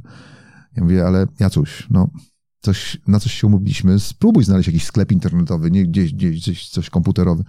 Ściągali mu przez dwa dni, udało się i ten wyczyn obrazkowy, który finalnie powstał, zrodził się na laptopie. Gdzieś tam na Mazurach, bo nie sprzęt jest ważny, tylko głowa jest ważna, mózg, rozum jest ważny, a Leszek Kamiński też dobre dwa tygodnie ogarniał tę całą e, baterię, jak my to mówimy, ludzką, a w międzyczasie dzwoniłem do gwiazd, Mhm. Czy zapalałem ich SMS-ami bardziej. Słuchajcie, nie wiem co będzie, nie wiem jaka to będzie y, grupa ludzi, ale zaśpiewajcie mi proszę całą piosenkę, a ja sobie ją potnę. I rzeczywiście wszystkie gwiazdy zaśpiewały mi całą piosenkę od początku do końca. Naprawdę? Tak, mam takie nagrania. Wszyscy zaśpiewali wszystkie wersy, absolutnie. A ja potem to y, pociąłem i powybierałem fragmenty, które wydawały mi się najbardziej słuszne, ale co jest ważne, nie wiedziały gwiazdy kompletnie, że będą śpiewały do ściany 732 muzyków, bo wtedy, kiedy nagrywały, to te nagrania dopiero do mnie spływały, a ci ludzie różni, różni wiekiem, grający na instrumentach, kompletnie nie wiedzieli, że będą akompaniowali Kubie Badachowi, Andrzejowi Piasecznemu i Natalii Kugulskiej. Wszyscy dowiedzieli się w jednym czasie, w dniu premiery, o godzinie 20. Wszyscy zobaczyli ten klip y, w tym samym momencie. No i takie wielkie zdziwienie, że to taka skala zjawiska nagle, że jak to możliwe. No a potem to te reakcje, które mnie zdumiewają do dziś, bo to naprawdę był spontaniczny zew. To nie było coś, co było jakieś wykalkulowane, obliczone na coś. I nagle, że to, że to zapala ludzi, że to napędza, że to poprawia humor, że to, nie wiem, rozpoczyna dzień bardzo często u wielu, wielu osób. Coś wspaniałego. Oczywiście wybór utworu też nie był przypadkowy, bo chodziło mi o to, żeby to był utwór, który komentuje trochę rzeczywistość i tę niepewność jutra, ale chodziło mi też o aranżację, która Mhm. pokaże instrumentarium pełne. Przecież cała pierwsza część to są smyczki. Mhm. I dopiero potem wchodzi ta potężna siła tych 60 perkusji i 60 basówek. Chodziło o to, żeby ta barwność również była w instrumentach. No, piękne zdarzenie, cudowne, kompletnie się go nie spodziewałem i e, będzie to jakiś na pewno obraz tamtego czasu, który pewnie zapadł nam wszystkim, nie tylko grającym w tym utworze, e, w pamięć. No, jakiś taki rodzaj świadectwa tamtego czasu. Ostatnio ze Staszkiem Trzcińskim rozmawialiśmy o tym, czy, czy muzyka utrzyma się w przestrzeni hybrydowej. Znaczy, że to będzie tak, że jednak, że ten cały świat będzie równoległy, czyli że będą się działy koncerty na żywo i ci, którzy mają potrzebę bycia w jednym miejscu z muzyką i z artystami będą tam się pojawiali, a ci, dla których doznanie tylko artystyczne, ale niesione przez internet jest wystarczające, będą uczestniczyli na żywo, ale ze swoich domów. Jak ty to widzisz? No na pewno przed pandemią y, dyskusje o tym, żeby koncert był streamingowany, y, były wielkim problemem. Mhm. zawsze to oznaczało, nie, to są koszta, to jest, to, jest, to jest cała instalacja, mikrofony, nie, nie, nie ma sensu. No a nagle przyszła pandemia, okazuje się, że każde zdarzenie można, można streamingować. Oczywiście było to związane z zakupem sprzętu i tak dalej, ale, ale pandemia da, ma, ma też swoje plusy, czy miała swoje plusy. Yy, No, chociażby to, że dzisiaj yy, te transmisje to jest sprawa oczywista, możemy o tym yy, zawsze mówić, nawet jak koncert jest z publicznością, to mm, niedawno wróciłem z Filharmonii w Szczecinie i koncert był oczywiście streamingowany. To jest dzisiaj sprawa oczywista i to jest, i to jest na, na pewno duży plus. Natomiast wiadomo, że odbiór jest inny. Wracając do co mi panie dasz, ja myślałem, że dyrygent to musi być człowiek, który stoi przed ludźmi, a nie yy, kryjący się za yy, ekranem komputera okazuje się, że emocje przechodzą przez komputer również, prawda? Czyli to nie jest tak, że to musi być ten fizyczny kontakt y, bliski. To jest ta cenna wiedza, której byśmy bez pandemii chyba nie pozyskali, tak myślę sobie. Zawsze będę fanem oczywiście żywych koncertów, prawdziwych, ale y, co nam daje y, ta zdalność? Dostęp. Dostęp. Mhm. Y, Ludzie, y, którzy mieszkają gdzieś z dala od wielkich ośrodków, bardzo często nie mieli możliwości 30-20 lat temu uczestniczyć w, w dużych zdarzeniach. Dzisiaj świat się jakby stał niezwykle mały. Już nie mówiąc o nauce, przecież ile jest materiałów, ile jest kursów, ile można y, wiedzy pozyskać dzięki internetowi. Także myślę, że będzie to się jednak rozwijało hybrydowo i będzie widownia taka i owaka. Już nie mówiąc o tym, że przejechanie 500 kilometrów po prostu to też jest dla tysiąca, to jest też dla wielu rzeczy nieosiągalne. A tutaj nagle, proszę bardzo, ta dostępność jest, jest wspaniała i yy, doskonalą nam się reżyserzy dźwięku, potrafią oddawać e, atmosferę, już nie mówiąc o nowych zdobyczach typu Atmos e, i tak dalej, że nagle ludzie będą być może, jeżeli za tym pójdą, mieli w domu wrażenie autentycznie sali koncertowej. Myślę, że do tego to zmierza, chociaż sali się na pewno nie da oddać e, w pełni, bo sala koncertowa, zresztą właśnie siedziałem niedawno w Filharmonii Szczecińskiej, która Filharmonii imienia Mieczysława Karowicza w Szczecinie. To jest taki częsty błąd, że nie ma Filharmonii Szczecińskiej.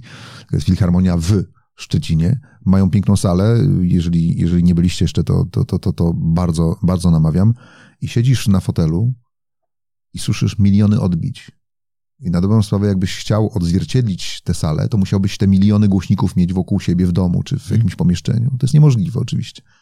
Yy, No coś niezwykłego. Gra waltornia, którą słyszysz z punktu, z którego gra, ale też słyszysz ją trochę z tyłu, trochę z boku, ona się gdzieś odbija, przewala, dochodzą smyczki. Coś nie, nieprawdopodobnego. No to wizytę w takich salach jak Filharmonia w Szczecinie, czy NFM wrocławski, czy NOSPR katowicki, to są te trzy takie najbardziej, a, czy Kawatina w Bielsku Białej teraz, to to są takie piękne ośrodki, piek, takie piękne miejsca, w których naprawdę możemy zaznać czegoś e, niebywałego. I to nie zastąpi nigdy niczego innego. Zawsze ten kontakt z, żywy, z żywą muzyką, żywym człowiekiem będzie, będzie, będzie najważniejszy. Jeszcze tylko mi się takie przypomniało zdarzenie, znaczy nawet nie zdarzenie, wrażenie. Uwielbiam, jak mam czasami koncert pozbawiony nagłośnienia, wiesz? Rzadko, bo to jednak najczęściej gram z bębnami, z gitarami i tak dalej, wkładam słuchawki, jest to wszystko okupione mikrofonami i tak dalej, czy otoczone mikrofonami, ale czasami mi się zdarzają takie koncerty sote, tak jakby to było grane rzeczywiście 200 lat temu. Czyli jest, przychodzi dyrygent, wyjmuje batutę, podnosi rękę, muzycy grają, nie ma żadnego mikrofonu, słyszę precyzyjnie to, co się w- w- wydobywa z ich instrumentów. I to jest jakiś rodzaj katarzis, to jest jakiś rodzaj spełnienia, który, którego się nie da porównać z niczym innym. Mikrofony zawsze zmieniają brzmienie. Mikrofony zawsze powodują, że to brzmienie jest jednak trochę odarte. Przecież mikrofon pada tylko w jednym miejscu, czasami w dwóch. Jak jest to fortepian, to tam y, czasami nawet trzy, w trzech miejscach się umieszcza mikrofony. Nie zmienia to faktu. Nie odzwierciedlisz y, pełni brzmienia mi, y, mikrofonem. I nagle słyszysz tych muzyków i to jest coś tak cudownego, że wtedy sobie myślę, no chciałbym wszystkich tutaj zaprosić teraz, ludzi, nie tylko fanów muzyki, wszystkich, żeby nie na widownię, tylko tu, gdzie ja stoję, przed ludźmi, przed, przed orkiestrą, bo tu jest to, to zjawiskowe miejsce, gdzie wszystko do ciebie dochodzi. Nie? No, cudowne. Zresztą, skoro już mówiliśmy o Atmosie tak zwanym, czyli tym nowym sposobie e, odsłuchiwania muzyki, nie tylko muzyki, bo i oglądania filmów, ale odsłuchiwania dźwięku po prostu, to to nie jest e, cel tego, e, tego systemu, nie polega na tym, że masz punkty głośnikowe, tylko żeby odzwierciedlić Mhm. bycie w sali, a na dobrą sprawę bycie przed orkiestrą. Czyli jakby trochę tak, że stajesz tam na scenie i rzeczywiście on, ten dźwięk cię y, otacza y, dookoła. No, zobaczymy. Bardzo jestem ciekaw. Ja lubię też te nowe technologie, wszystkie obserwować, y, jak ludzie za tym idą przede wszystkim. Czy ludzie wchodzą w coś, czy, czy są nieufni. Wiadomo, że to się wiąże z wydatkami, ludzie wtedy są ostrożni i tak dalej, ale niewątpliwie jest to, jest to ciekawy moment, jeżeli chodzi o, o percepcję muzyki w warunkach takich domowych, powiedzmy. Twoje dzieci poszły w muzykę? Syn y, starszy jest na Akademii Teatralnej Filmowej, Akademii y, na, w, w łódzkiej filmówce. Okay. Łódzka Szkoła Filmowa, taka jest chyba hmm. nazwa, prawda? Y, I jest tam niestety, trafił tam w, rok, w roku pandemicznym, w związku z tym ten pierwszy rok był bolesny dla nich, bo uczenie się aktorstwa przez ekran komputera jest, bym powiedział, dyskusyjne. Mm -hmm a młodszy syn ma lat 6,5 i już dotyka fortepianu od dobrych y, dwóch lat. Oczywiście jest to bardziej nauka przez zabawę, jak to w tym wieku, ale jest zaskakujące absolutnie. Znaczy śpiewa tak trudne melodie, tak y, przykuwa uwagę y, jakaś muzyka, która go do, dopada gdzieś tam. Y, przychodzi do mnie do pracowni, dotyka klawiszy, różne brzmienia i tak dalej, i tak dalej. Bardzo jest zafascynowany. I, no i ma słuch, zdecydowanie ma słuch, ja to już to widzę. No i teraz jest pytanie, bo rodzic to jest najgorszy rodzaj nauczyciela. Mhm. Nie ma sensu w ogóle, żeby rodzic uczył. No może przywoływać gdzieś tam, namawiać do ćwiczenia, ale wejście w rolę nauczyciela przez rodzica to jest naprawdę duży błąd. Często niestety wykonywany, więc ja tego nie chcę robić. Ma fantastyczną nauczycielkę w tej chwili. No i teraz dylemat, bo za chwilę wejdzie już w okres szkolny.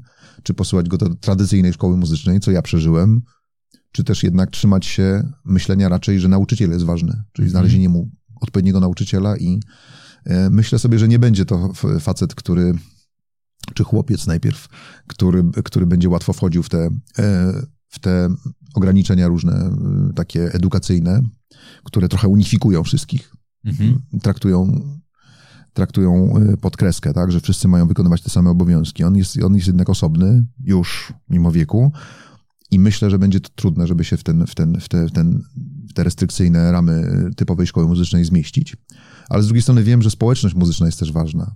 Czyli budowanie tej relacji z kolegami mhm. E, jest też ważne, bo oni zakładają zespoły, muzykują, kombinują. E, to też jest, e, to też, to też naprawdę jest istotne w rozwoju. Także mam taki dylemat, czy tradycyjna szkoła muzyczna, czy, czy nie nauka po prostu. Taka prywatna właściwie.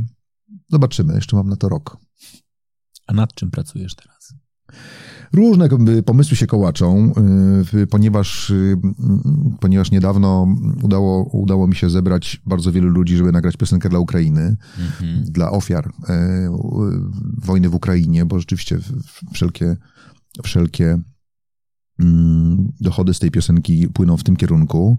Mówię o utworze Mamy siebie, mhm. który zresztą był napisany kompletnie w innym celu, napisany jako prezent urodzinowy dla mojej żony, jeszcze przed zawieruchą wojenną. A potem, jak ta wojna nastała, okazało się, że, że właściwie niewielka zmiana tekstu spowoduje, że on będzie bardzo aktualny i, i, i nadający się do, do tego momentu historii.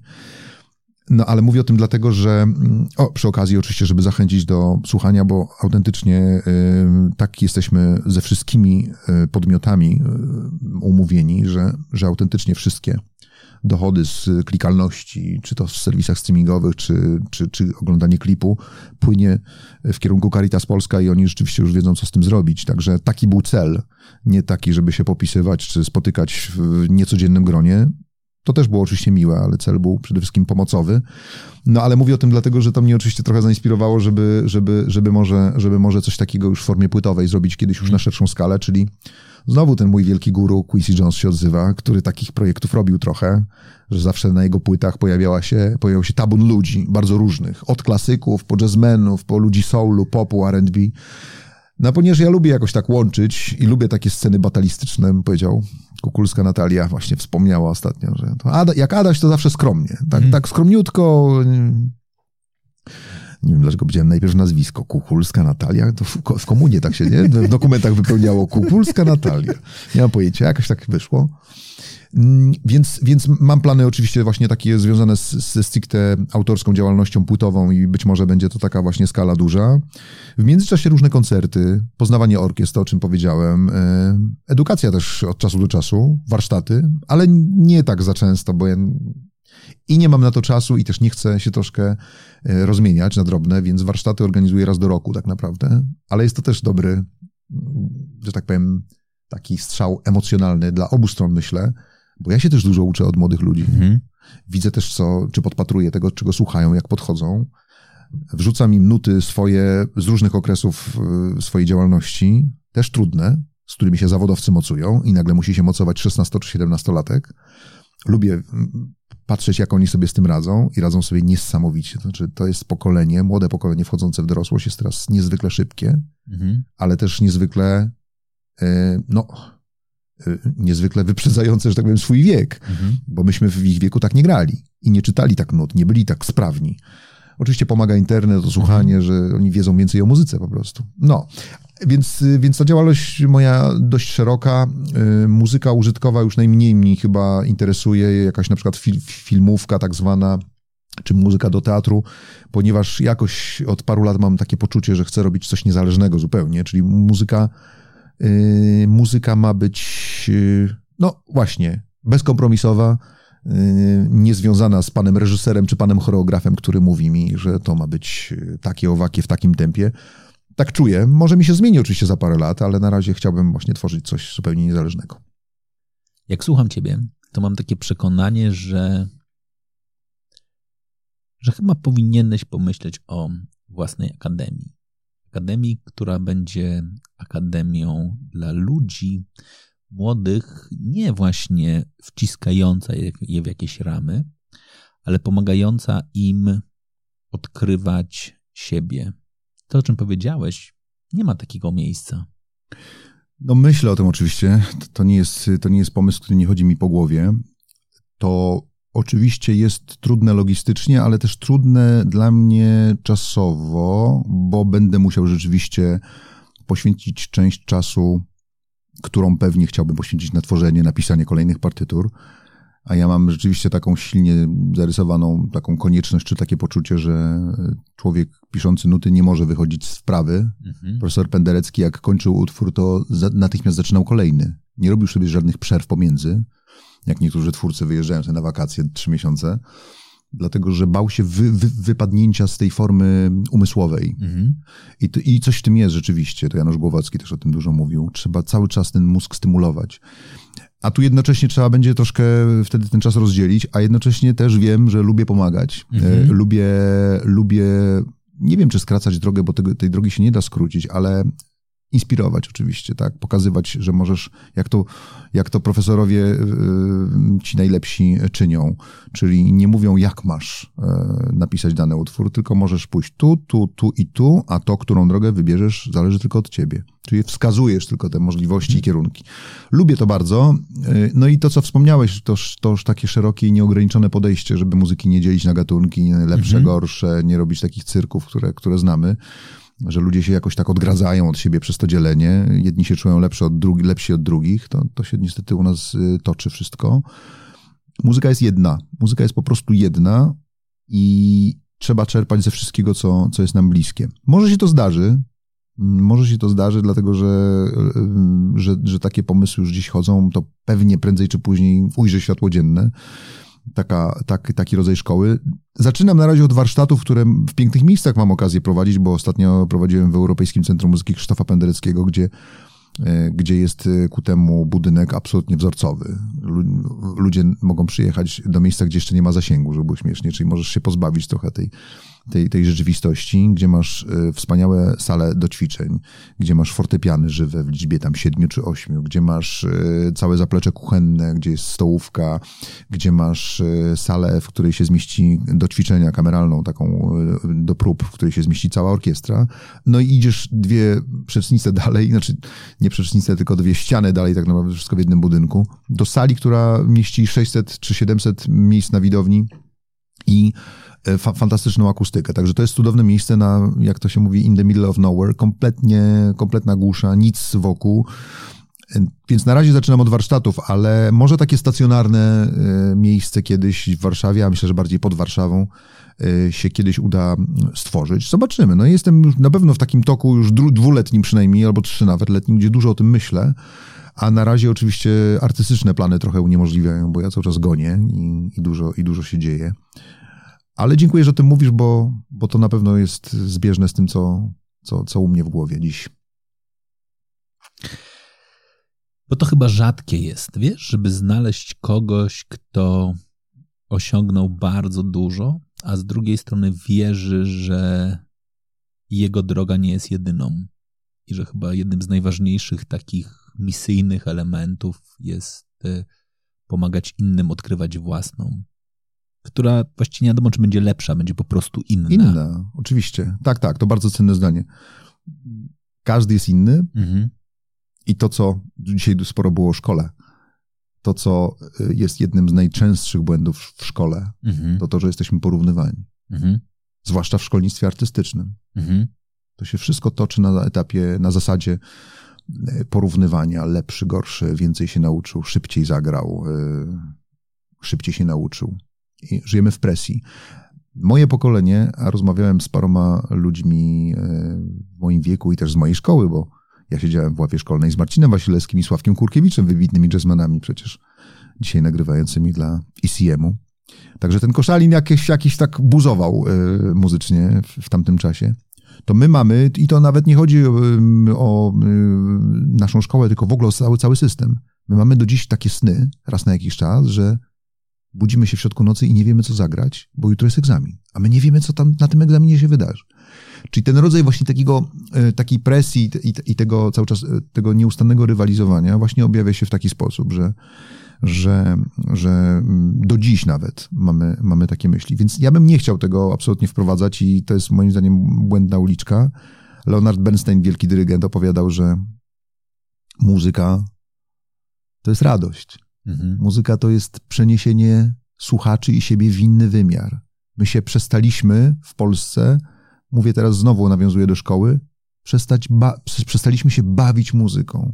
To nie chodzi o bawienie, żeby grać muzykę tanią, mhm. nie wiem, łatwo przyswajalną i tak dalej. To nie o to chodzi. Muzyka jest innym rodzajem rzeczywistości, przeniesieniem się w zupełnie gdzieś tam inny wymiar. Mm, I, i tej spontaniczności jakoś y, nie zaznajemy w szkole. Nie wiedzieć czemu. Może to jest kwestia nauczycieli, może to jest kwestia programu, może to jest kwestia ogólnie zastanych już przez wiele lat e, naleciałości. Natomiast bardzo mało jest spontaniczności w szkole. Bardzo. Ja mam taką zasadę ze swoim synem, którą robię. Oczywiście ja piszę nuty, więc jest mi trochę prościej. Pytam syna, mojego sześcioletniego, nie chcesz zagrać tego utworu, którego dała ci pani? No nie chcę, tata. A co byś chciał zagrać? Temat z Harry'ego Pottera. Dobrze, no to tata siada i ten temat spisuje albo robi jakieś opracowanie. Tak powinien pracować nauczyciel. Wyczuwać albo pytać, rozmawiać, co chciałby zagrać uczeń. I oczywiście, że on ma linię programową i ma swoje ograniczenia, taki nauczyciel, ale próbować, jak trzeba to napisać, jak trzeba to poprosić jakiegoś aranżera czy kompozytora, żeby napisał utwór czy opracowanie. Zagrać coś, co ten uczeń będzie kochał, czy lubił nawet. Bo wtedy ta pasja jest rozwijana i zgłębiana. Jeżeli gramy niechciane utwory, a mówiąc szczerze, gramy głównie niechciane utwory w szkole, które zostały napisane 200 lat temu, to nie znaczy, że są bezwartościowe, nie, ale one nie komunikują się z naszą mhm. rzeczywistością dzisiaj. Naprawdę. Już nie mówiąc o tych etiudach i wprawkach, które są często pisane nawet nie pod kątem muzycznym, co czysto właśnie manualnym, tak, żeby zgłębić jakąś, jako, jakiś problem techniczny. To tego nie rozumiem. Dlaczego nie ma takiej, takiej elastyczności? Każdy, każdy uczeń jest inny.